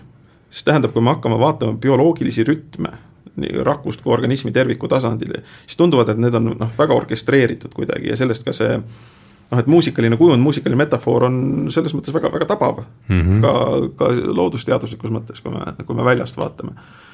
ja, ja noh, üks kujund, noh näiteks Nietzsche'l oli ju see probleem teadupärast, et teda süüdistati äh, natsi, natsidele hea, hea toe andmises või noh, et äh, et kui me vaatame fašismi, noh, Sontagil on vaimustav, vaimustav fašism, kus ta näitab, eks ju, et see fašistlik äh, argipäeva estetiseerimine ja et esteetikas peidub, peitub kurjuse potentsiaal mm.. et see katab kurjuse kinni, esteetiline, esteetiline väli, et see, see on selles mõttes ohtlik. Sontag on see, kes seda mõtleb? seda on tegelikult äh, öelnud paljud, et äh, noh, argipäev saagu kauniks. et see on niisugune fašistlik Aga... tees, et, et mis võimaldas äh, kolmanda Reichi, oli selles noh, ta oli reality ooper mingis mõttes mm, -hmm. et ta oli nagu reality ooper, et näiteks üks Soome tuntud äh, toonane kultuurikriitik Paavo Lainen käi-, käis seal ja kirjutas sellest reportaaži külalisena kolmandas Reichis, see on eesti keelde ka tõlgitud ja ta omal ajal, kui ta selle kirjutas, siis tekitas nagu vastuolusid nagu, et kas ta nüüd mõistis selle hukka või ei mõistnud mm. piisavalt või kuidagi liiga empaatiline või. aga asi oli selles, et minu arust Paavo Lainen kirjutas täiesti adekvaatselt ja kirjutas teatriarvustuse mm. -hmm. lihtsalt häda oli selles, et osad inimesed osutusid äh, katki minevateks rekvisiitideks või rekvisiitideks, kes ära põletati, aga see, kuidas sellele kaasa mindi fašismiga, mhm. esteetiline vaimustus oli seal väga oluline, sest kõigis neis asjades, mida fašism ära kasutas nii, nii Itaalias kui Saksamaal, oli väga võimas esteetika masside haaramiseks. aga hästi, tuleme selle, jäta, jätame selle praegu üles, aga Jaanuse küsimus, et kas me tuleme tagasi äh, selle siis apolloonilise ja dionüüsusliku aspekti juurde, kas see on ja. seal keskne koht, et tuleme selle juurde tagasi? vist võiks jah ja., sest see on tõesti niivõrd, niivõrd oluline, et äh, et mida need siis nagu Nietzsche jaoks ikkagi tähendavad või mida nad esindavad, et et tõepoolest, noh sellest on siin tegelikult juba juttu olnud, et et, et apollooniline siis Nietzsche järgi on selline selgete vormide, helguse, jumalus ütleme, kunsti, kunstiline jõud, ta nimetab seda ka kunstiliseks jõuds, apollooniline kunstiline jõud ja ta isegi nimetab seda veel Apollooniliseks kunstiloodusjõuks. et need on just, see on nagu just nagu jõud, mis puhkeb nagu loodusest endist esile. ja see on tõesti selline nagu selgepiirilisus, eks ole, ilu, selline teatav noh, selline helgus äh, ja noh, sellise kõige apolloonilisema kunsti näitena nimetab ta näiteks äh, skulptuuri. Mm. -hmm. et skulptuur on selline hästi selgepiiriline, kui me mõtleme nendele Kreeka skulptuuridele, siis noh, see on hästi sellised ilusad, eks ole, esteetilised ja nii edasi. et äh, äh, ja noh, näiteks tragöödias, mis siis esindaks Apollonilist äh,, äh, oleks äh, äh see tegevus, eks ole, näitlejad äh,, mingit, mingit pidi ka äh, äh see noh, see narratiiv, eks ole äh,, ja mis oleks tragöödias siis Dionüüsiline, mis esindaks tragöödias Dionüüsilisust, eelkõige, ja nüüd me noh, sellest me ei ole vist veel eriti rääkinud, muusika. Mihkel ja, jah. Dionüüsiline printsiip on tragöödias esindatud muusika näol, jah, see just, just, et, et see Dionüüsilise nagu olemus nagu tuleb kõige selgemalt esile just muusikas või sellises äh, Dionüüsuslikus muusikas, et vanades tragöödiates oli nagu selline äh, koor, seal oli alati see, see Dionüüsilise koori osa oli seal, mis on hästi huvitav. ja see ongi nagu see, mis esindab nagu seda Dionüüsilisust tragöödias Nietzsche järgi kõige, kõige nagu äh, äh, selgemalt äh,. nii, aga nüüd ikkagi see, see pessimismi äravõitmine, eks ole, et, et noh, see on nagu see noh, mingis mõttes võtame meelde, et tragöödia on vahend pessimismist jagusaamiseks. just nimelt, et tragöödia, mis siis on nagu, on siis Apollonilise ja Dionüüsilise nagu ühinemisel sündinud, kuigi see ühinemine on alati selline lahkühtimine, et, et nad kunagi nagu päris kokku ei saa, et nad on alati nagu natuke pinges, et mingit harmooniat nende vahel tegelikult ei, ei ole, et nad ei ole nagu harmooniliselt koos, et et, et kuidas siis nagu tragöödia suudab, ma ei tea, pessimismist või sellise, nagu Nietzsche ütleb, kreeklastele omase maailmavaate kohutavast sügavusest, et kuidas nagu tragöödia suudab nagu selle vastu noh, mingisugust äh, ravimit või rohtu leida, et äh, et tõepoolest, et sellest on ka juttu olnud, et elu mingis mõttes on ju noh, noh isegi kui me nagu ei, lähtu sellest Nietzsche sellest ürgühesuse igi kannatavast printsiibist, noh, elus on nagu ilmselgelt tragöödiaid, eks ole, elu on mingis mõttes traagiline, nagu sul oli see surmanäide pidevalt, eks ole, ja nii edasi nüüd, ja mida teeb Apollooniline, Apollooniline püüab tõepoolest selle kannatuse kuidagi nagu ilu taha ära peita või kuidagi nagu noh, sellise noh, ta tõesti Eesti noh, näitab asju nagu kuidagi naiivse ja ilusana, eks ole, noh, ma ei tea, siin mingi analoogia võiks olla mingi romantiline ma ei tea, tänapäeval mingi romantiline komöödia või, või noh, üldse mingi, mingi, mingi, mingi romantiline lugu, nii, aga, aga inimene tajub kuidagi, et see on nagu, et see, see, see, see, see lohutus või, või, või see on kuidagi nagu illusoorne, et see ei ole päris, see ei ole ju päris elu, et kõik on liiga ilus seal mm, -hmm. eks ole. et seal on nagu kõik, et, et seal on kõik liiga ilus, nii. ja nüüd Dionüüsiline, vastupidi, eks ole, toob inimese kuidagi sellele reaalsusele ja sellele kannatusele nagu lähedale, eks ole, viib ta nagu sinna kuristiku äärele, tõukab ta sinna mm -hmm. kuristiku äärele. aga ilma, et ta selle, et ta sellest kuristikust nagu alla tõukaks, sest see oleks nagu hukk, see oleks häving, see oleks nihilism, eks ole mm. -hmm. et, et, et, et, et, et inimene jääb justkui sinna nagu selle, selle elule, sellele, selle, selle, selle, selle ürgühesusele igikannatava printsiibi nagu kuhugi vahetusse lähedusse, ilma sinna kunagi sisse kukkumata eks ole.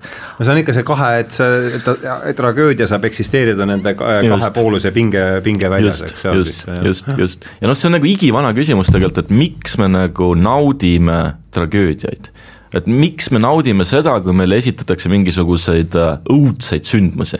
Miks me naudime seda, kui meile teatris näidatakse surma, inimeste õnnetusi. miks me kuulame päevauudiseid? miks me, või miks me isegi see, et miks me kuuleme, et, et, aga, aga mis sorti nauding see on, mida me, miks me naudime seda, eks ole, nii ja nüüd see Dionüüsilisuse fenomen peab just sedasama avada tegelikult, et äh, jaa, ja see on ka näiteks kurjades vaimudes, kui on tulekahju ja siis mm -hmm. Dostojevski ütlebki, et tulekahju, et see on küll kohutav tragöödia, aga alati on hinges midagi pidulikku. selles ja et oma lähe, lähedase, isegi lähedase inimese äh, mm, õnnetuse üle me ei suuda päris põhjani kurvastuda, et mingi mhm. rõõmus moment jääb sisse. et, äh, et, et seal on see asi ja tõepoolest nagu muusikal ja esteetikal on väga, väga suur roll, et äh, noh, mi-, miks minnakse Titanicut vaatama, kuidas Kate Winslet jääb jäätükile ja Leonardo DiCaprio vajub sügavikesse inimesed vaatavad, nutavad sealjuures, söövad pangetäie jäätist, aga jube hea tunne on pärast. Ja nad tahavad veel teha seda, eks ju, nad tahavad veel teha, on, see on hea tunne, aga muidugi on see, et äh, äh Ilmar Vene on ühes öelnud, et kõik ilumeel jäägu tragöö-, noh, tragöödia peanõue on, et kõik ilumeelt häiriv jäägu sealt välja. et, et ütleb seal veel huvitavalt, et isegi nendest äh, noahoopidest kukkuv äh, Caesar olevat oma toogat kohendanud, eks, et oota, kes seda ütles, mul läks see Ilmar Vene. aa, Ilmar Vene, jah. ja, ja noh, üks, üks näide on see, et noh, näiteks võtame niisuguse hästi tuntud tragöödia nagu Romeo ja Julia mm, -hmm. mingis mõttes ikka noh, kui me vaatame niisuguse kaine Apollonise pilguga, siis on see nagu hästi halb asi, kaks teismelist saavad mingi jumala totaka asja pärast saavad surma lihtsalt. Aga kui see on väga ilusti serveeritud mm, -hmm. siis, siis see tekitab meis niisuguseid noh, nauditav, Shakespeare'i mm -hmm. Romeo ja Julia on niisugune igikestev, isegi arhetüüpne motiiv mm. -hmm. kuidas selle vastu saada mm, -hmm. näiteks praegu on suitsiidiepideemia, et, et noh, kuidas, kuidas öelda noorele inimesele, et ära tapa ennast ära ma annan neile kohe ühe väga hea nõuande, kui inimene ennast üles poob, siis ta situb ennast täis. ja vot see ei lähe tragöödiaga kokku, see ei lähe absoluutselt kokku. või kuidas oleks labane. jaa, kuidas oleks Romeo ja Julia saanud ära kompunnida, oleks see, kui Romeo oleks, oleks kihv mürk sattunud ja ta oleks endast täis teinud ja oksendanud ja igatpidi hästi jälk ja kole olnud. -hmm. ja seda teeb muide äh, Flaubert Madame Bovary's, kus ta teeb, eks ju, see, et äh, see ja, ei ole mingi juulialik äh, mm., juulialik surremine, vaid see on mm. jälk, labane, eks ju mm., oksendab vastik kõri, nöörib, kui ta on seda mürki mm. võtnud.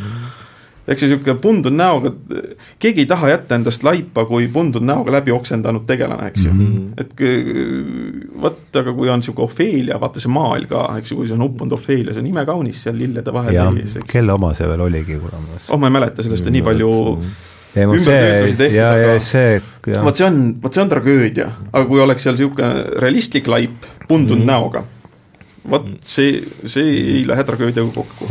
siin on muidugi noh, hästi, et noh, kui veel noh, sellega seoses tegelikult, et et noh, et me teame näiteks, et Vana-Kreekas, noh kui me vaatame, mõtleme Platonile näiteks, siis äh, Platon noh, tahtis nagu kunsti kui sellise oma ideaalsest riigist ja. pagendada, eks ole, ühesõnaga see hinnang, mis nagu kunstile osaks langes, Platoni poolt oli noh, selline halb, väga halvustav, eks ole, et, et kunst ja. on hästi teisejärguline, et poeet tuleb pagandada ideaalsest linnast. et, et noh, tal ei ole nagu tähtsust, sest ta ei tegele tõega.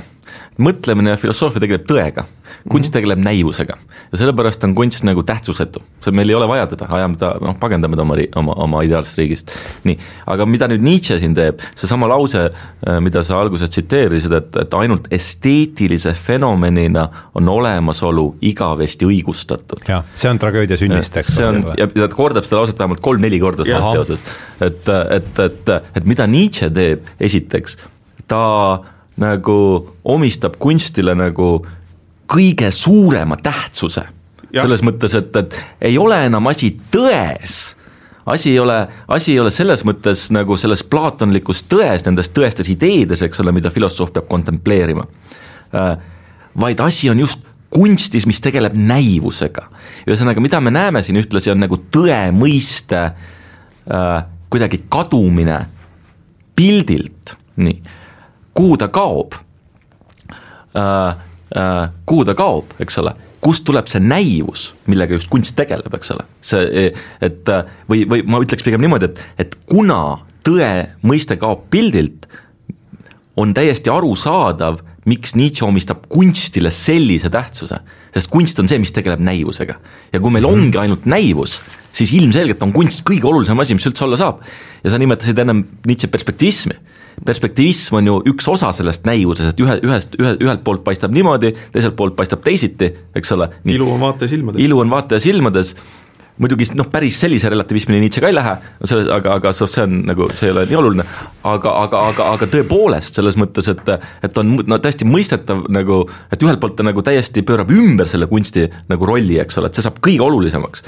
ja miks ta selle üle, ümber pöörab, see on, see, see, see on mõistetav seetõttu, et see tõe mõiste ise noh, sellises äh, absoluutse tõe tähenduses, mida siis filosoof või teadlane nagu avastab, eks ole et see mõte kaob ära. et või noh, seda, et meil ei ole ligipääsu mingisugusele absoluutsele tõele.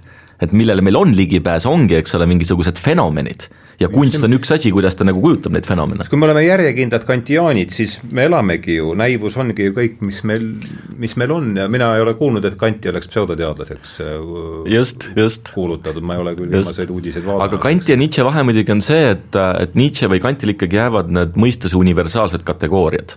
selles mõttes, et nii nagu loodusteadlastel on jäänud matemaatika kvantifitseeritud suhted. just, et palun ütle see viimane mõte veel. et Kanti järgi on, eksisteerivad sellised universaalsed mõistuse kategooriad, mistõttu inimesed kõik, kui nad kasutavad oma mõistust õieti, kogevad maailma ühel viisil ja saavad teha, teha teadust, saavad jõuda kokkulepetele ja nii edasi mm. -hmm. aga nüüd äh, äh, Nietzsche puhul muutub see mõistus ise ka juba ajalooliseks, et ei ole selliseid äh, universaalseid mõistuse kategooriaid. et, äh, et, et selles mõttes nagu Nietzsche noh, on, on palju radikaalsem kui, kui kuidas sa Jungi sellesse pilti siis äh,, kuidas sa selle samasse mm, -hmm. sellesse probleemistikku tooksid need Jungi siis? see on väga põnev, selles mõttes, et Jungil ilmselgelt Jung peab ennast ka ju kanti, Jung peab ennast ka kanti järglane. see ongi hästi huvitav, et noh, ta kindlasti ongi kanti järglane mingis mõttes, aga need Jungi arhetüübid ei ole kindlasti kuskil mõistuses, selles mõttes nad on, nad on psüühes ja kehas just nimelt, nad on kuidagi meelelised ja nad on, nad ei ole ka nagu mingisuguselt absoluutselt tõsikindlad, nad on ka arenevad, nad on dünaamilised, nad on kultuuriti kohati natuke erinevad, eks ole. et, et, et, et selles mõttes ta kindlasti nagu, need Jungi arhetüübid on kindlasti kuidagi nagu noh, pärinevad sellest kanti kategooria õpetused, aga nad on ikkagi nagu hoopis juba nagu meelelisemad, dünaamilisemad, tõesti kehalised ja nii edasi.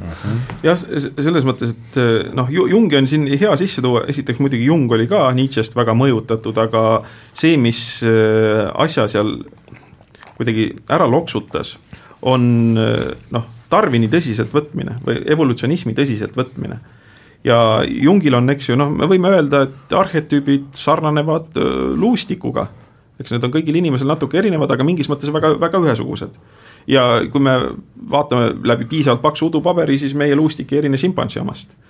Lähme veel kaugemale, eks ju, põhiplaan on meil kaladega sarnane, eks ju, et on selgroog, on mhm. rivid mm, -hmm ühe, ühes otsas on sihuke pealaadne asi või sihuke kõva, kõva kolk mm., kus on suu ja silmad ja niimoodi, eks ju, ja need on kõik evolutsiooniliselt teisenenud ja see, mida Jung otsib, on nende psühholoogilised korre-, korrelatiivid mingis mõttes, eks ju mm. -hmm. ja, ja see on nagu iseenesest noh, Franz de Waal teeb sama asja, eks ju, praegu üks väga tuntud primatoloog, kes on tõepoolest väga hea psühholoog ka mm. -hmm. et psüühika psüühika on sama mitmekesine kui kehade maailm mm. -hmm. ja see tundub nagu loogiline mm, -hmm. et iseenesest noh, tõepoolest me ei pääse sinna mm -hmm. küll väga hästi ligi, aga igaüks, kellel on koer või kass, saab aru, et tal on esiteks koertil ja kassidel on erinevad iseloomud täiesti päevselge mm. -hmm. Neil on mingid psüühilised seisundid mm, -hmm. kuidas me neile juurde pääseme, analoogia printsiibiga tegelikult mm. -hmm. hästi, aga ma nüüd panin kirja, see tundus, oled, et ega ma nüüd, kas te olete nõus sellega, mis ma siin või kas ma panin teda pigem õigemini kirja või et kas ma sai, tegin, et Jungi arhetüübid paiknevad psüühes kanti universaalsed printsiibid, aga, või kategooriad, aga mõistuses mm.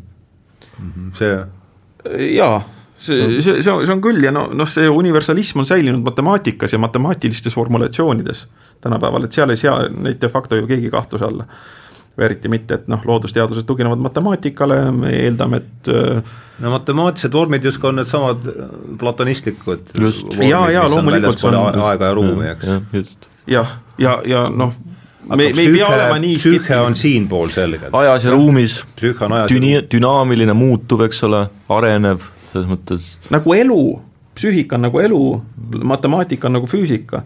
ja, ja, ja noh, selles mõttes, et kahtlemata on ka, me võime öelda, et vähemalt kui ei lähe mingit päris hullupõõras skeptiliseks epi-, no epistemoloogilise skeptitsismi äärmusesse, siis äh, see, mida tegeleb füüsika ja füüsikalistlik teadus, on see, et ta sõelub maailmast välja seaduspärasused, mis, seaduspärasusi, mis on matemaatiliselt formuleeritavad, need on kahtlemata olemas, aga samas, eks ju, Jung tegeleb lihtsalt teise valdkonnaga, mis on millega tegeleb ka bioloogia. Mm., tegeleb bioloogiaga kõige fenomenoloogilisemas mõttes, kõige vahetumalt. jah, sõelub välja maailmast matemaatiliselt formuleeritavad seaduspärad. Mm. ja need on olemas, aga lihtsalt neid ei maksa absolutiseerida, et noh, siis psüühi, psüühiline kihis, kihistus on ka olemas. ja noh, isegi see matemaatiline kirjastus, kirjeldus selles mõttes ei, ei, ei ole noh, mingi absoluutne kirjeld-, noh, see on lihtsalt üks perspektiiv tegelikult maailmas, on üks viis nagu, nagu läheneda fenomenile noh, kirjeldavalt. äh, matemaatiliselt kirjeldavalt ja see nagu noh, ongi nagu Heideggeri järgi noh, selline teadusele omane, et teadus tahab nagu kõike kirjeldada ja mõõta numbriliselt. kui ei ole mõõdetav, pole olemas. ei ole olemas, täpselt. täpselt, see täpselt, osa sellest suurest probleemist, ma arvan praegu, millega alles me siin ägame. nii, aga uskumatu, aga poolteist tundi on juba möödas, nii et äh, nüüd on hakka, aeg hakata endale teadvustama, et jutuajamine saab äh, ka läbi. See on meie saate saatus. parem on seda armastada. Väga plastiline et ma tahaks nüüd anda, kasutada jällegi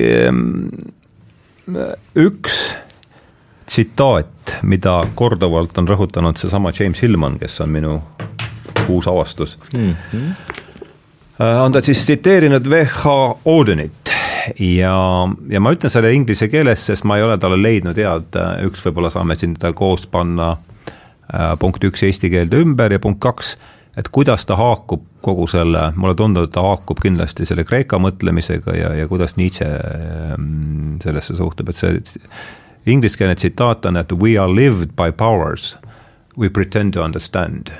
et we are lived by powers, meid liigutab, noh, ega meid, meid sikutavad äh, nööridest äh, jõud, mida me, millest me üritame, et me oleme üpiknukud jõudude käes mm, -hmm. mida me, millest, mida me arvame, mida me üritame, millest me üritame aru saada või midagi sellist mm. -hmm. ja et kas need, võib-olla need, need jõud ongi needsamad Kreeka mm, -hmm. Kreeka jumalad, mingid printsiibid mingitest äh, aastad suulise pärimuse teel välja nõretatud matemaatiliselt formuleerimata, poeetiliselt mm -hmm. siis äh, formuleeritud äh, printsiibid. jah, noh, see on jällegi seotud selle et mis äh, jah, et ole hea, Jaamas, kõik. et see on jällegi seotud selle optimismi ja, ja, ja pessimismi teemaga, et, et tõepoolest, et optimistlik või selline ratsionalistlik optimism äh, ei taha tunnistada selliseid jõude, eks ole, et tema tahab nagu olla valitseja. Nagu olla valitseja, kõik ära mõtestada, eks ole, kõik, kõik kuidagi aine, aine, aine rivvi panna ja, lõpuni just, välja, jah. aga Dionüüs, just, aga see pessimistlik, see traagiline nagu see Dionüüsiline, et tema ikkagi tõepoolest nagu noh, nagu tunnistab nende jõudude olemasolu, vaatab neile silma, ei mhm. põgene mm -hmm. nende eest, tunnistab mm -hmm. nii, ja õp-, ja püüab õppida nendega elama, selles mõttes, et, et jah, püüab õppida nendega elama, läheb mm -hmm. kaasa, eks ju, see on, no mingis mõttes ta on iseendaga sõbraks saamine. Mhm. aga mm -hmm. mille ma võib-olla Nietzsche puhul veel välja tooks, eks ju, ta on kristlusega väga tugevas konfliktis, nagu ma ütlesin, ja just sellepärast, et ta leiab, et kristlus paneb meid oma loomulikke instinkte häbenema ja ta on nagu vaenulik mm., et seal on see ka nõrkade orjade vimm, eks ju, see, mis on, et kuna äh, tarvinistliku printsiibi järgi või noh, evolutsionistliku printsiibi järgi evolutsioon ei hooli üksikisendist, ta lihtsalt ei hooli, et võib olla juhtunud, et sa oled sattunud sa oled tõmmanud evolutsioonis loteriis väga halvad kaardid, väga halvad kaardid, eks ju, ja siis see võib tekitada sinus vimma, mis on näiteks äh, Hippolit või kes oli kurjades vaimudes kellel Hippolyt oli idioodis. ja, ja mitte Hippo aga ta oli tõepoolest väga vimmane. ja, ja, ja selles mõttes on hea ja või, või eks ju kas või Smerdjakov, eks ju, kes saab aru, et noh, kurat, teda on nii kehvasti kokku mötsitud ja, niisugune Mõškin ütleb Hippolytile, et minge meist mööda ja minge, minge meist minge meist mööda või andke meile meie õnn andeks.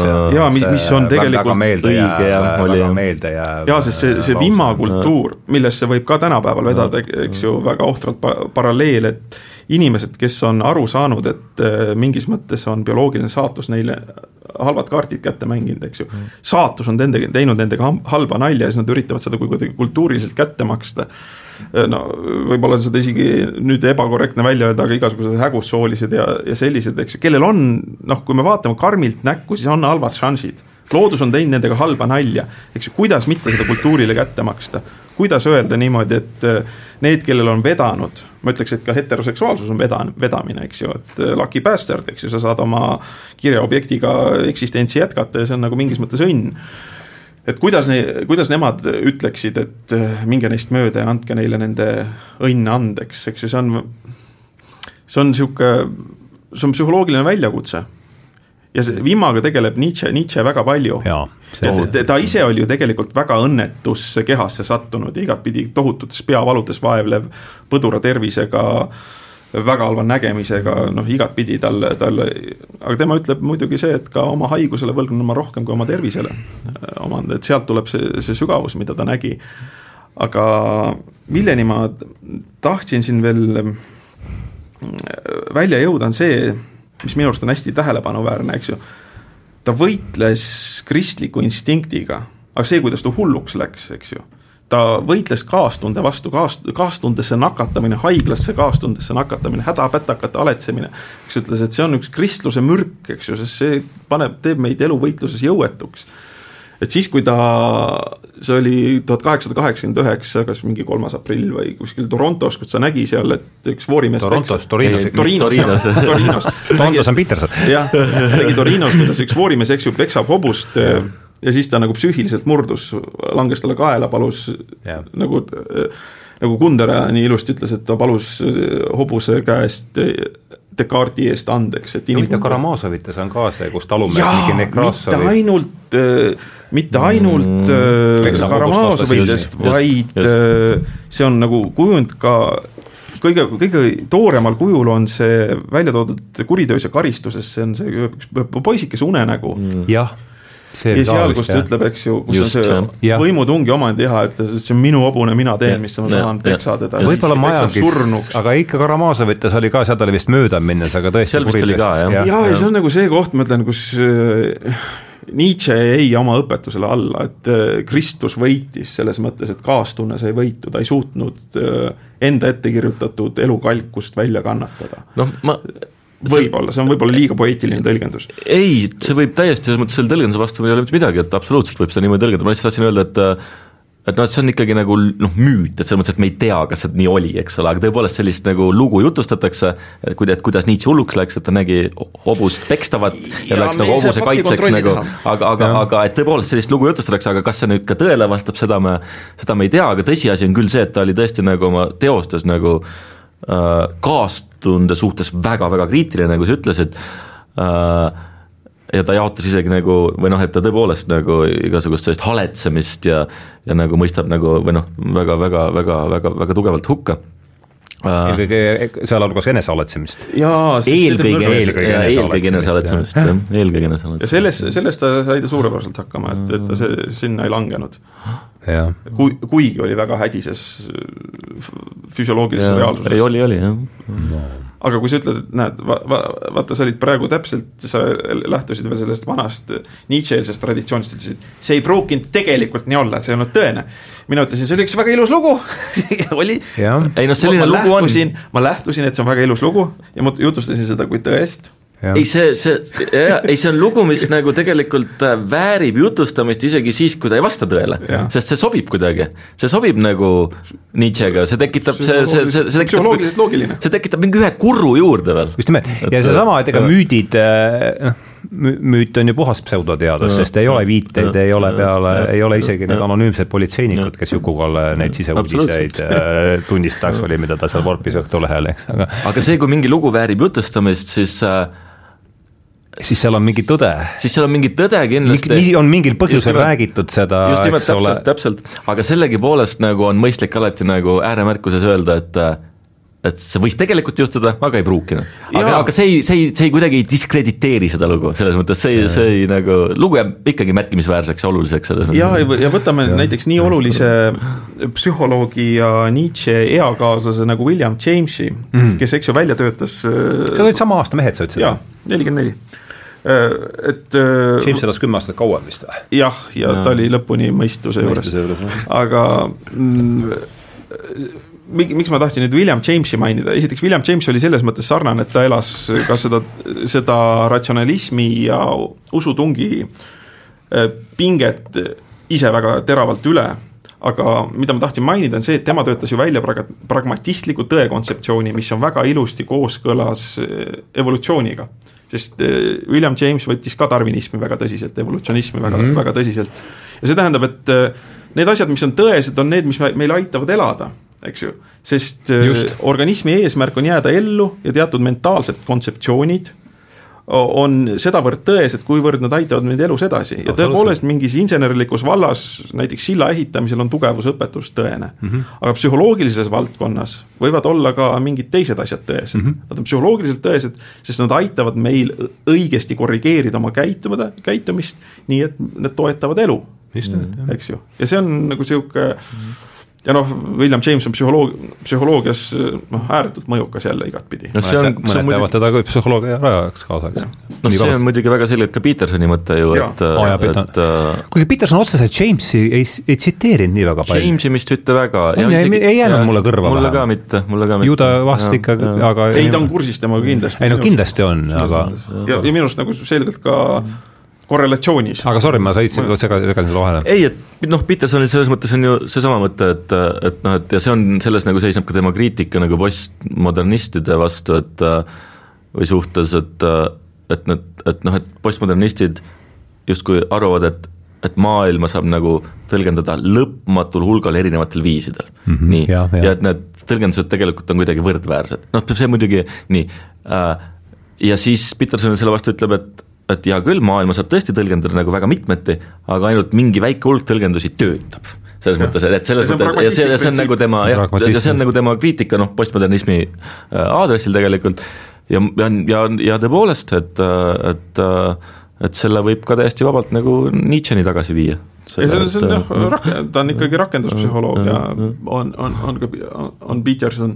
ja kusjuures ma, ma teen niisuguse huvitava remargi, et ma rakenduspsühholoogia on see, mis aitab meil elus, elus edasi ja on seetõttu pseudoteaduslik.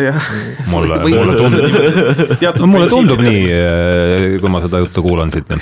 jah, sest ta pole noh, puhas. Pole võimalik joonlauaga üle käia, noh, ja Statistikaamet tõendeid ei väljenda, ei väljasta selle kohta aga, aga üks, üks väike huvitav, huvitav remark, et äh, nende kõige pöörasemate teooriate kohta, mis ka praegu noh, USA, USA ülikoolides ja igal pool ringlevad, et üks, üks äh, evolutsiooni taustaga psühholoog tegi huvitav, huvitava tähelepanu, et need on umbes nagu paabulinnu saba.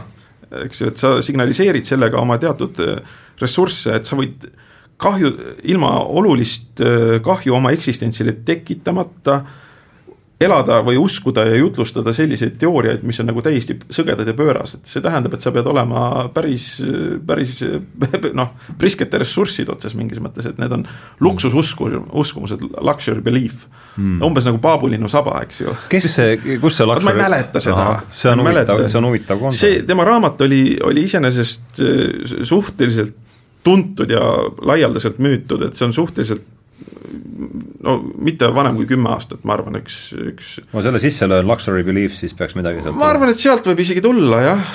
see kõlab huvitava niidiotsana. et, et mõned inimesed on, eks ju, oma positsiooni ja eluseisundiga nagu nii priviligeeritud ja nii kindlustatud, et nad saavad lubada endale täiesti jaburaid uskumusi ja neid signaliseerida mm. -hmm. et noh, see on, see on vähemalt minu arust niisugune huvitav, huvitav vimka mm. -hmm.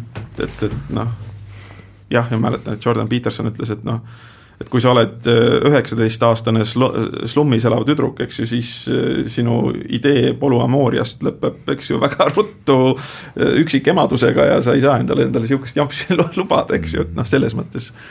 et, et, et noh, et need, need, need on sihukesed jõuka ühiskonna või priviligeeritud koha tingimused. noh jah, selle hobuse kohta ma tahtsin korra öelda, et sealt, et, et, et, et tegelikult on ju väga huvitav film Torino hobune, mis ongi nagu äh, Torino hobune. Torino hobune, väga, väga hea film uh,. mängufilm või uh,? mängufilm uh,, Bellatar vist oli see režissöör.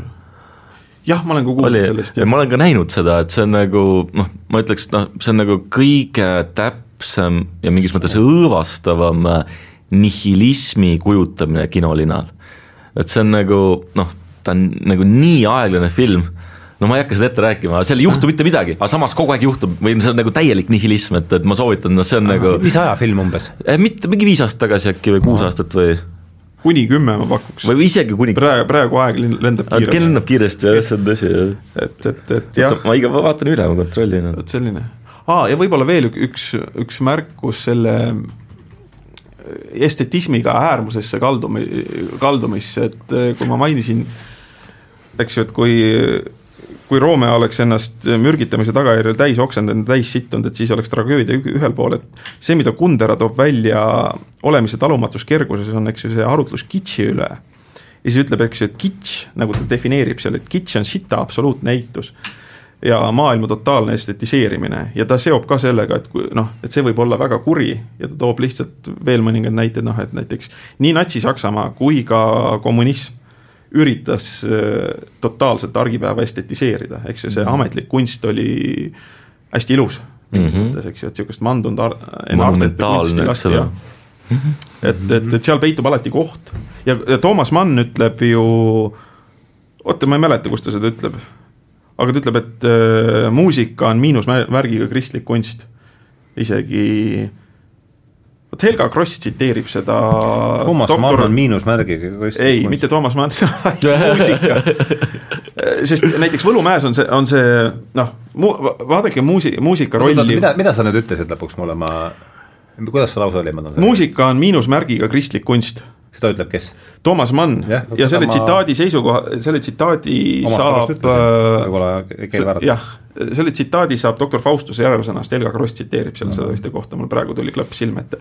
aga et kui ma noh, doktor Faustus on ju ka muusika ümber keerleb, eks ju, ja, ja prototüüp on Nietzsche ja jah, eks ju no, Le. Leverküni prototüüp on Le. Leverküni prototüüp on Nietzsche ja noh, kui, kui ja sealt ütleb ka, et see ood rõõmule tuleb tühistada mm aga noh, võib-olla isegi parem on Võlumäes, et noh, muusika rollist, et kui muusika on poliitiliselt kahtlane, öeldakse meile Võlumäes. jaa, et see, kui see sureb, Joakim sureb, siis see, see la, labane prouastöör ütleb, et muusikat pange Beethoveni erootikat, erootikat jah mm., et ja vaata selle, kuidas ta oli, nuttis vaimustusega, eks ju, et see on see tragöödia kogemus, eks ju, Setembriini vaatab, pöörab selja pahuralt ja läheb, eks ju, see insener, et seal oli jälle alla jäänud, aga ju, ju, just see, minu arust see on nii tore, kui on nutis vaimustusest, ehk siis ja kõik, kõige selle taustal, et ta, nagu mis me oleme siin insenerlusest rääkinud, et ta on võtnud selleks peakangelaseks laevainseneri ja. ja neid kihte on seal ikka, ma praegu kuulan ja. seda ja kõik see nüüd, see Apollooniline, nii, see on ikka võimas ikka võimas, võimas romaan, midagi ei kui ole, ma seda lugesin, siis ma kirjutasin kõik muusikaga seotud kohad välja, teine asi on äh, väga võimsalt niimoodi hambad tangis vaatab, on Robert Musil Omadusteta mehes mm. -hmm. vot see sama raamat näiteks äh, vaata, seal on seksuaalmõrvar Moosbrugger, eks ju, kes on. on mingis mõttes nagu instinkti inimene, lihtsalt mm -hmm. aga ja siis Oi. Clarisse, kes on veendunud äh, Nietzschean mm, -hmm. tema võitleb tema vabastamise nimel, eks ju. kas te, Clarisse oli Valteriga abielus või? või nad, kas ma ei tea, kas abielus, ta oli Valteri ja, ja, ja, ja eks ju siis nad vahel musitseerivad kahel käel eks ju, ja see on kui kiima sisehirme pröögatus. ja, ja siis ma mäletan Olen... ühe peatüki lõpus, kui Valter ja Ulrich mängivad klaverit ja siis Ulrich vaatab sealt ukse pealt, et see on üks neid hetki, mille pärast Jumal lõi maailma või midagi sellist no,. see on mm. väga hästi ju läheb kokku mm. minu meelest. ja, ja kusjuures Nietzsche ütleb veel väga ilusti, et äh, ma, oota, kuidas see, eksistents ilma muusikata oleks lihtsalt eksitus. niimoodi, et suure, jah, et äh, see oleks nagu noh, väljakannatamatu mm., aga et muu-, muusikal on tohutu lunastav jõud eks ju, ja, ja see, see, see muutub seda aktuaalsemaks, mida ähmasemaks läheb Jeesuse evangeelium mm, -hmm. eks ju, seda olulisemaks ta muutub, seda mhm. olulisemaks ta muutub, sest see, see lepitab mm -hmm. väga, väga võimsalt noh, olemisega. siin tuleb üks teine lause Nietzsche'lt, mida on Tarnast tsiteerinud, et nad peaksid selleks, et ma nende, ta räägib siis kristlastest, kristlastest mm, -hmm. et selleks, et ma nende jumalasse usuksin, peaksid nad laulma paremaid laule, et nad peaksid lunastama, nad peaksid lunastama, lunastatumad välja nägema mm, et see on no,, see, see, ma ei tea, kas, kust see on pärit, kas tuleb see tsitaat äh,? ma praegu ei oska öelda, aga see võib nagu vabalt pärineda Eke Oomast, sest Eke seal, seal, seal, aga noh, ta ei pruugi ka, et ma ei ole sada protsenti kindel. aga see on tõsi, et ta nagu korduvalt on, on teinud selliseid märkusi, et äh, et äh, kristlik kunst on lihtsalt nagu esteetiliselt kehva, piibel on nagu noh, noh, Uus Testament just, mitte vana, Uus Testament on esteetiliselt väga halb raamat, selles mõttes, et uus, uus Testament, vana, vanat ta hindab, selles mõttes vanat ta hindab, aga uus on lihtsalt nagu, see on lihtsalt nagu psühholoog-, just nimelt kehv kirjandus, et kristlane on inetu inimene selles mõttes, et, et see kristlik nagu kultuur on inetu, noh, ebaesteetiline, et miks ma peaksin selle siis nagu omaks võtma selles mõttes, noh, või noh, ta tõesti selliseid nagu märkusi siin-ja-seal nagu puistab, et mm -hmm. et aga Vana-testamenti ta noh, selle sellist teatavat sellist väge ja ja ürgsust ta tegelikult ikkagi, ikkagi hindab. ja, ja või toome siia korraks juurde Tolstoi mm, -hmm. eks ju, Tolstoi ütleb äh, ei, mitte või isegi võib-olla Kreutzeri sonaadis, vot Kreutzeri sonaat on selles mõttes meelde, meeldejääv asi, et see näit-, jaa, selles mõttes, et ta näitab seal muusika potentsiaalset hukatuslikkust ja seal Kreutzeri sonaat on väga vägev raamat. et, et seal ta ütleb, et muusika on nii võimas asi, et see peaks olema riigi käes, eks ju, et ta on poliitiliselt kahtlane. täiesti, poliitiliselt täiesti kahtlane ja mõnest teisest kohast ütleb veel, et täiesti otsesõnu niimoodi, et mida enam me andume ilule, seda enam kaugeneme headusest mm. -hmm. ta ei ütle lihtsalt, et, et lihtsalt, et nad on autonoomsed sfäärid ja kui me ühes väga kinnisilmi toimetame, siis ei pane teist tähele mm, -hmm. vaid otseselt, mida enam andume ilule, seda enam kaugeneme headusest mm. -hmm. ja, ja see, selles, eks ju, on see muusikalumma ohtlikkus. just nimelt, ka Dionüüsilisuse selles mõttes, et ja, ja siis me võimegi öelda, et eks ju kolmas Reich ja oli muusikaline nähtus, muusikaline fenomen. miskipärast tuleb mulle meelde siin Dmitri Karamazov, kes kuuma südame pihtimuses ütleb, et ilu on kohutav asi. on mm, -hmm. eks ju, mhm. see, see ongi, see ongi kohutav asi. et, et ja, ja noh, kristluses on ju alati olnud selliseid eh, sekte, mis noh, nagu täiega keeravad maailmale selja ja siis nagu nimelt teevad ennast inetuks, nimelt püherdavad äh, tuhas, eks ju. Mm., nimelt kannavad kotiriideist äh, asju, just selleks, et võõrutada ilust. ja see on Chestertonil ka väga, väga hästi, et noh, ilu on mm, selle maailma asi, see tekitab kiindumust selle maailma vastu, aga selles maailmas see, see on, see on kuradi maailm. Aga noh, Nietzsche sõnul oleks just selline kristlik moralistlik maailmatõlgendus, eks ole, kus nagu ongi, et domineerib moraal ja mitte esteetika. aga tema tahab just nagu maailma tõlgendada, noh nagu siin on juba jutt, korduvalt juttu olnud, nagu esteetiliselt selles mõttes ja nagu kunsti perspektiivist, mitte moraali perspektiivist. aga kristlus ilmselgelt teeb seda moraali perspektiivist, et on hea ja kuri ja siis seal on võitlus, eks ole, ja peab kõik nagu saama heaks ja, ja nii edasi, ja Tolstoi selles mõttes on tüüpiline moralist, ta on kõige tüüpilisem moralist, et headus ja, ja see on ja, nagu ilus. tema on ikka pigem Jeruusalemma samba, samba. ja, ja, vaata, vaadake, kui, kui mürgi, mürgiselt ütleb ta Kreutzeri sonaadist, eks ju, et no, kumb, kumb, kumba me andestaksime kergemini avalikule isikule. see, kas ta tuleks, kas ta oleks moraalselt ilge limukas või see, et ta tuleks vale riietuse ja vale kleidiga pallile ja tal oleks küünaalused mustad mm, eks ju, ja noh, kui me vaatame näiteks niisugust kasvõi mitte noh, sotsiaalmeediat või sihukest igapäeva asju, siis eks ju need, kes käivad valesti riides, need rapitakse kohe ära või, või kes tuleb presidendi vastuvõtule. ma ei tea, liiga avara mm, dekolteega või liiga, noh, liiga valesti riides. aga see, kui keegi sahkerdab või noh, et see, see, see nagu või on korruptant, noh, et selle, selle juures võib veel silma kinni pidada, et noh, sihukest mm. masside. ja muidugi see, et ilu on väga rängalt diskrimineeriv, eks ju, me ei saa seda väga valida ja siis äh, inetud inimesed, need on nagu saatuse poolt ära põlatud mis see nagu, üldse on? jah, ja siis käib sihuke nagu noh, vaata, vaata kui naljaga, ma ei mäleta, mille lipukiri see Cosmopolit-, no vaata, kui Cosmopolitani lipukiri võiks olla sa loed huvitavat kirjandust. Cosmopolitani oled töövihikaga tutvunud. Cosmo, Cosmopolitani töö pealkiri on ju Ilu päästab maailma mingis mõttes oma no, mitte, no, mitte selles. Dostojevski on seda ju korduvalt öelnud. No ma räägin, see on ju ma tegin selle parafraasi praegu, et Cosmopolitan ei ole seda otse välja öelnud, aga see on tema töö pealkiri Ilu päästab maailma on ju mõšk Mõškin, Mõškin, jah, jah. aga mulle, aga mitte ainult selles mõttes, Dostojevski ise on seda vist mingis erakirjas oma vennale või midagi sellist öelnud, et, et see on nagu, see on ka mingis mõttes hästi Dostojevskilik. aga mulle tuleb meelde üks Poe tsitaat ilu kohta, et äh, ei ole tõelist ilu ilma teatava kummalisuseta proportsioonides. ühesõnaga, et ilu on noh, et, et, et noh ikkagi ka eeldab alati mingisugust sellist see, see on juba rafineeritud maitsemaga kus hakkab juba niisugust väikest ma tahaks teie need, ma peaks nüüd kümmekonna minutiga tõmbama asjad kokku ja ja noh, vist kuidagi me oleme sattunud siit Nietzsche't Dostojevski juurde ja ka see ilu, aga see ilu on ju siin üks keskne mm. teema, et äh, ma tahaks teie arvamust kuulda ühe Miloši tsitaadi kohta, et sellest hakkame sellega lõppu minema. et kui patust, kõneleb siis Tšeslav Miloš, kui patus prii jumala inimese ideel on üldse mingi sisu, siis peaks inimloomuses olema midagi, mis viitaks ihaldatud süütuse põhimõttelisele võimalikkusele. see on see, miks Dostojevski kulutas nii palju energiat, et luua romaanikangelane, kes oleks läbinisti hea. ta õbe, ta ebaõnnestus selles.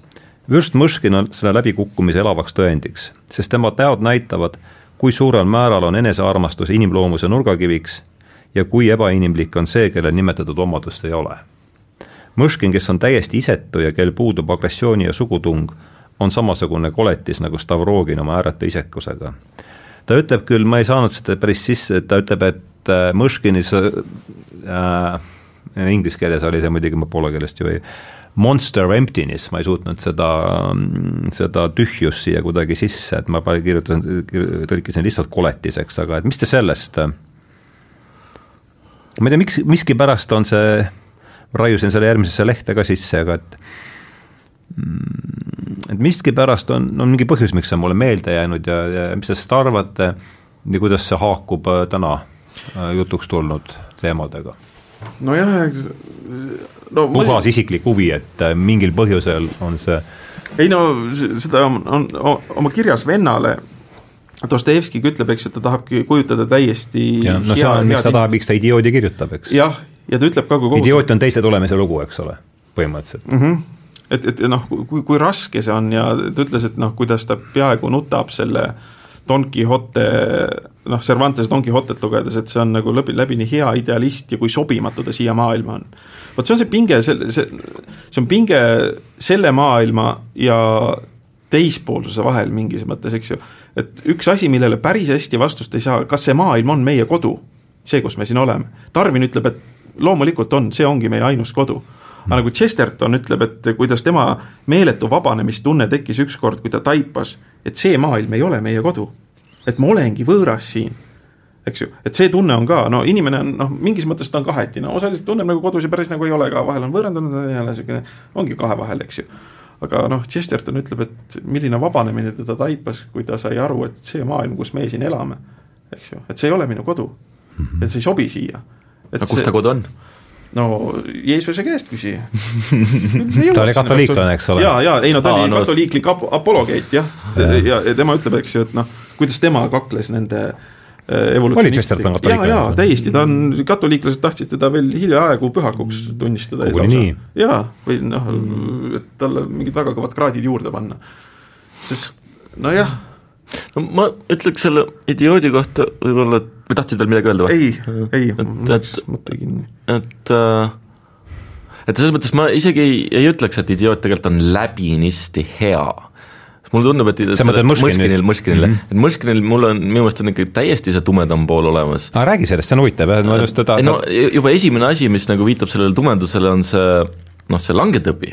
selles mõttes, et ta mingil hetkel kaotab täielikult kontrolli enda ja oma keha üle Mm -hmm. ja muutub mingisuguseks selleks inetuks koletiseks, ma ei tea, kõik elu, selle elutahte, elutahte mingiks just äh, nimelt, just nimelt mingi jõud, eks ole, mis võtab ta üle võimust ja mida ta üldse ei kontrolli. mis päästab ta surmast, sest Rogožin tahab ta ju seal trepikojast tappa, eks just ole. nimelt, ja siis tal tuleb see hoog peale ja, ja, ja, just nimelt, et, et selles mõttes ma küll ei ütleks, et ta on nagu mingi selline naiivne, täielikult hea inimene, seal on, tal on täiesti mingi tumedam pool ja see viis, kuidas ta nagu ei suuda sellest Nastasia Filipovnast nagu ikkagi või noh, kuidas ta talle järgneb ikkagi ja kuidagi nagu, et, et seal on täiesti mingi mingi, mingi, mingi tumedam pool.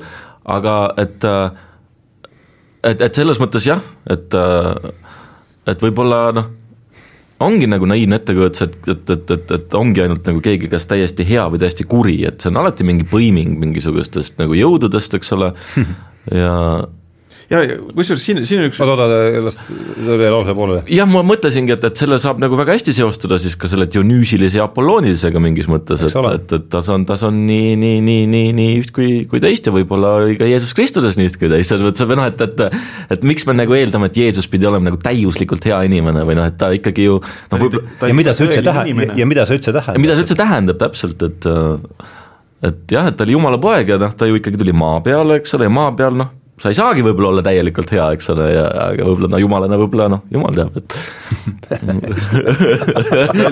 jumal teab ta oli siiski tõeline inimene ja tõeline jumal. jah, oli jah. mõlemad tõelised ja ta needis ära viljata oma viigipuu, mis on paljusid äh, nagu kummastama pannud, et miks ta seda tegi.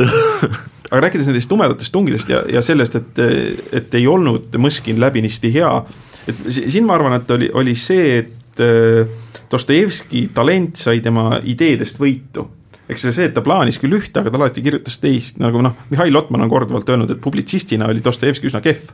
aga romanistina lihtsalt, eks ju, absoluutne maailmaklass mm. -hmm ja ühes ja raamatud olid targemad kui teise. ja, ja ühes, ühes kohas jälle ühes erakirjas ta ütleb ka, kus ta mõlgutab ande üle talendi üle. sa räägid Dostojevskist nüüd? jaa, Dostojevskist. talendi üle, siis ta ütleb, et kas on niimoodi, et autor käsutab talenti või talent käsutab autorit. ja seal ta kasutab veel sellist kujundit, et vahel ju talent haarab sellel loojal justkui natist, niimoodi kraest ja tirib ja, ja mm. siis ta täpsustab, just niimoodi tirib alandaval moel mm., hoopis mujale, kuhu ta tahtis minna. Ja see on, tundub suhteliselt autobiograafiline, et äh, talent, äh, tema psühholoogiline kirjanduslik talent vedas teda tema plaanidest alatasa kõrvale. ja ma arvan, et mm. Mõrskiniga juhtus just see. et no. ta kirjutas selle inimlikumaks märksa. noh, hea, et juhtus kirjanduslikus mõttes. kirjanduslik taimon võttis üle juhtimise. aga noh, samas Dostojevski ise on ka nii kompleksne, et, et võib-olla see headus või see, kuidas ta headust ette kujutab, et see ei ole üldse mõistetavgi ilma mingisuguse selle tumeda kuristikulise taustata, selles mõttes, et, et seadus saab ainult esile tungida, kui seal on see kurjus ja see kuristik. ja, ja, ja sellepärast ka Mõškinil peab see olema, sest muidu see ei oleks seadus, noh et tal, ta peab olema see taust, see tume taust, eks ole. vari, vari, nagu Jung ütleks. või nagu Jung, ütleme. et see noh jah, kahtlemata see oli nii no aga kena, meil on nüüd kaks tundi täis saamas, et aeg on nüüd viimaseks küsimuseks äh,. ma ütlesin, et äh, et minu huvi selle teema puhul, nüüd lõpuks triivisime Dostojevskisse ära mm., aga kuidagi nad kõik on seotud. niimoodi seotud omavahel, eks. et, ähm, et minu huvi selle konkreetse tragöödia, Nietzsche teose aasta tragöödia Sünd sai siis alguse James Hillmanist ja Hillman ütleb minu jaoks meeldejäävalt ja, ja kui ma võib-olla oma, võtaks oma mingi viimase kümmekonna aasta ma ei tea, teekonna kokku, et et siis kõige paremini seda, kui välja nõrutada sellesse sisu, et siis seda kõige paremini minu jaoks, selle võtab kõige paremini minu jaoks kokku see Ilmani nelja sõnaline lause, et meelepõhi on poeetiline. Kuidas, et see, teist on, aga seal ei ole joonlauaga väga palju midagi peale hakata, et tahaks teie, lõpuks veel teie arvamust selle kohta ja siis, et kui suudate selle siduda sellega, mis meil täna on jutuks tulnud, siis siis kuidas see oli, meele? meelepõhi on poeet-, the basis of the mind is poetic või midagi, noh ta täpselt äh, mm. -hmm ja see kuidagi mulle haakub sellega, et, et Juni, Jungi arhetüübid paiknevad psüühes ja, ja, ja kõik kogu see Meelest... mis on psüühe ja. ja mis on meel ja ühesõnaga siin on nagu, sa võiks veel panna siin üheksani välja, aga me peame. ja, ja aga, aga minu meelest on nagu otseselt seotud sellega, millest meil nagu noh, hästi pikalt juba juttu on olnud, et et see, see optimism ja, ja mingis mõttes see traagiline elutunnetus, selline optimistlik elutunnetus ja selline traagiline elutunnetus, mis ja, ja et on vaja tõepoolest mingisugust kunsti, et äh, kuidagi seda pinget üldse nagu välja kannatada mm -hmm. ja, ja elu kuidagi nagu elamis nagu äh, mitte ainult väärseks, vaid äh, ma ei tea, nagu elamis äh,, jah. Ela, elatavaks. elatavaks, aga mingis väga sellises jaatavas ja sellises ja, nagu mõttes, jah, mõttes. positiivses mõttes, no ma võiksin siin Lotmanile, Juri Lotmanile viidata, et äh, Juri Lotman ühes kohas ütleb, et, et ükski sotsioloogia või antropoloogia või ma ei mäleta, mis sõna ta kasutas seal, no ühesõnaga mingi sihuke asi, mis üritab, üritab hõlmavalt inimkultuuri kirjeldada.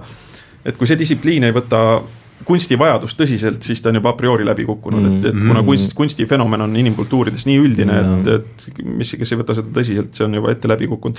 teine asi selle meele kohta, et Lotman ütleb, et noh, see on ala, olemuslikult äh, kahene ja see on nagu kaks tõlkimatut süsteemi, üks on analoogne, teine digitaalne või näi-, ühe lihtsama näite, need on alati kaks korraga mm. -hmm. ja sealt sünnib nagu teadvus, teadvus sünnib kahe tõlkimatu süsteemi piirimail mm. -hmm.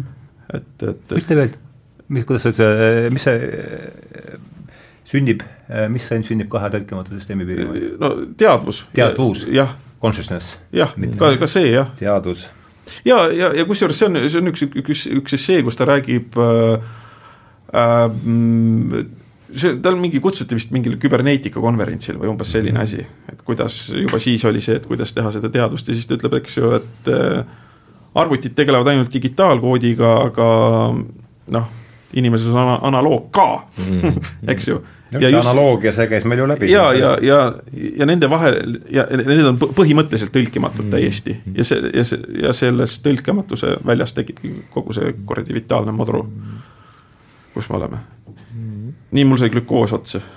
jah. veres. aga siis äh, ma ei tea, ma. programmeeritud olend.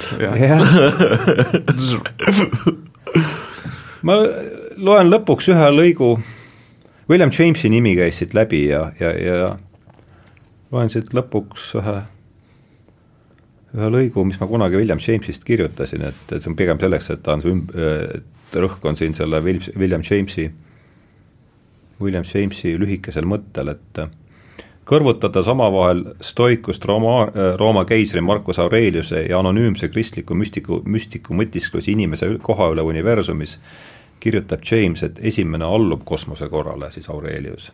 Saksa teoloog aga nõustub sellega, ta sõna otseses mõttes pulbitseb nõusolemises.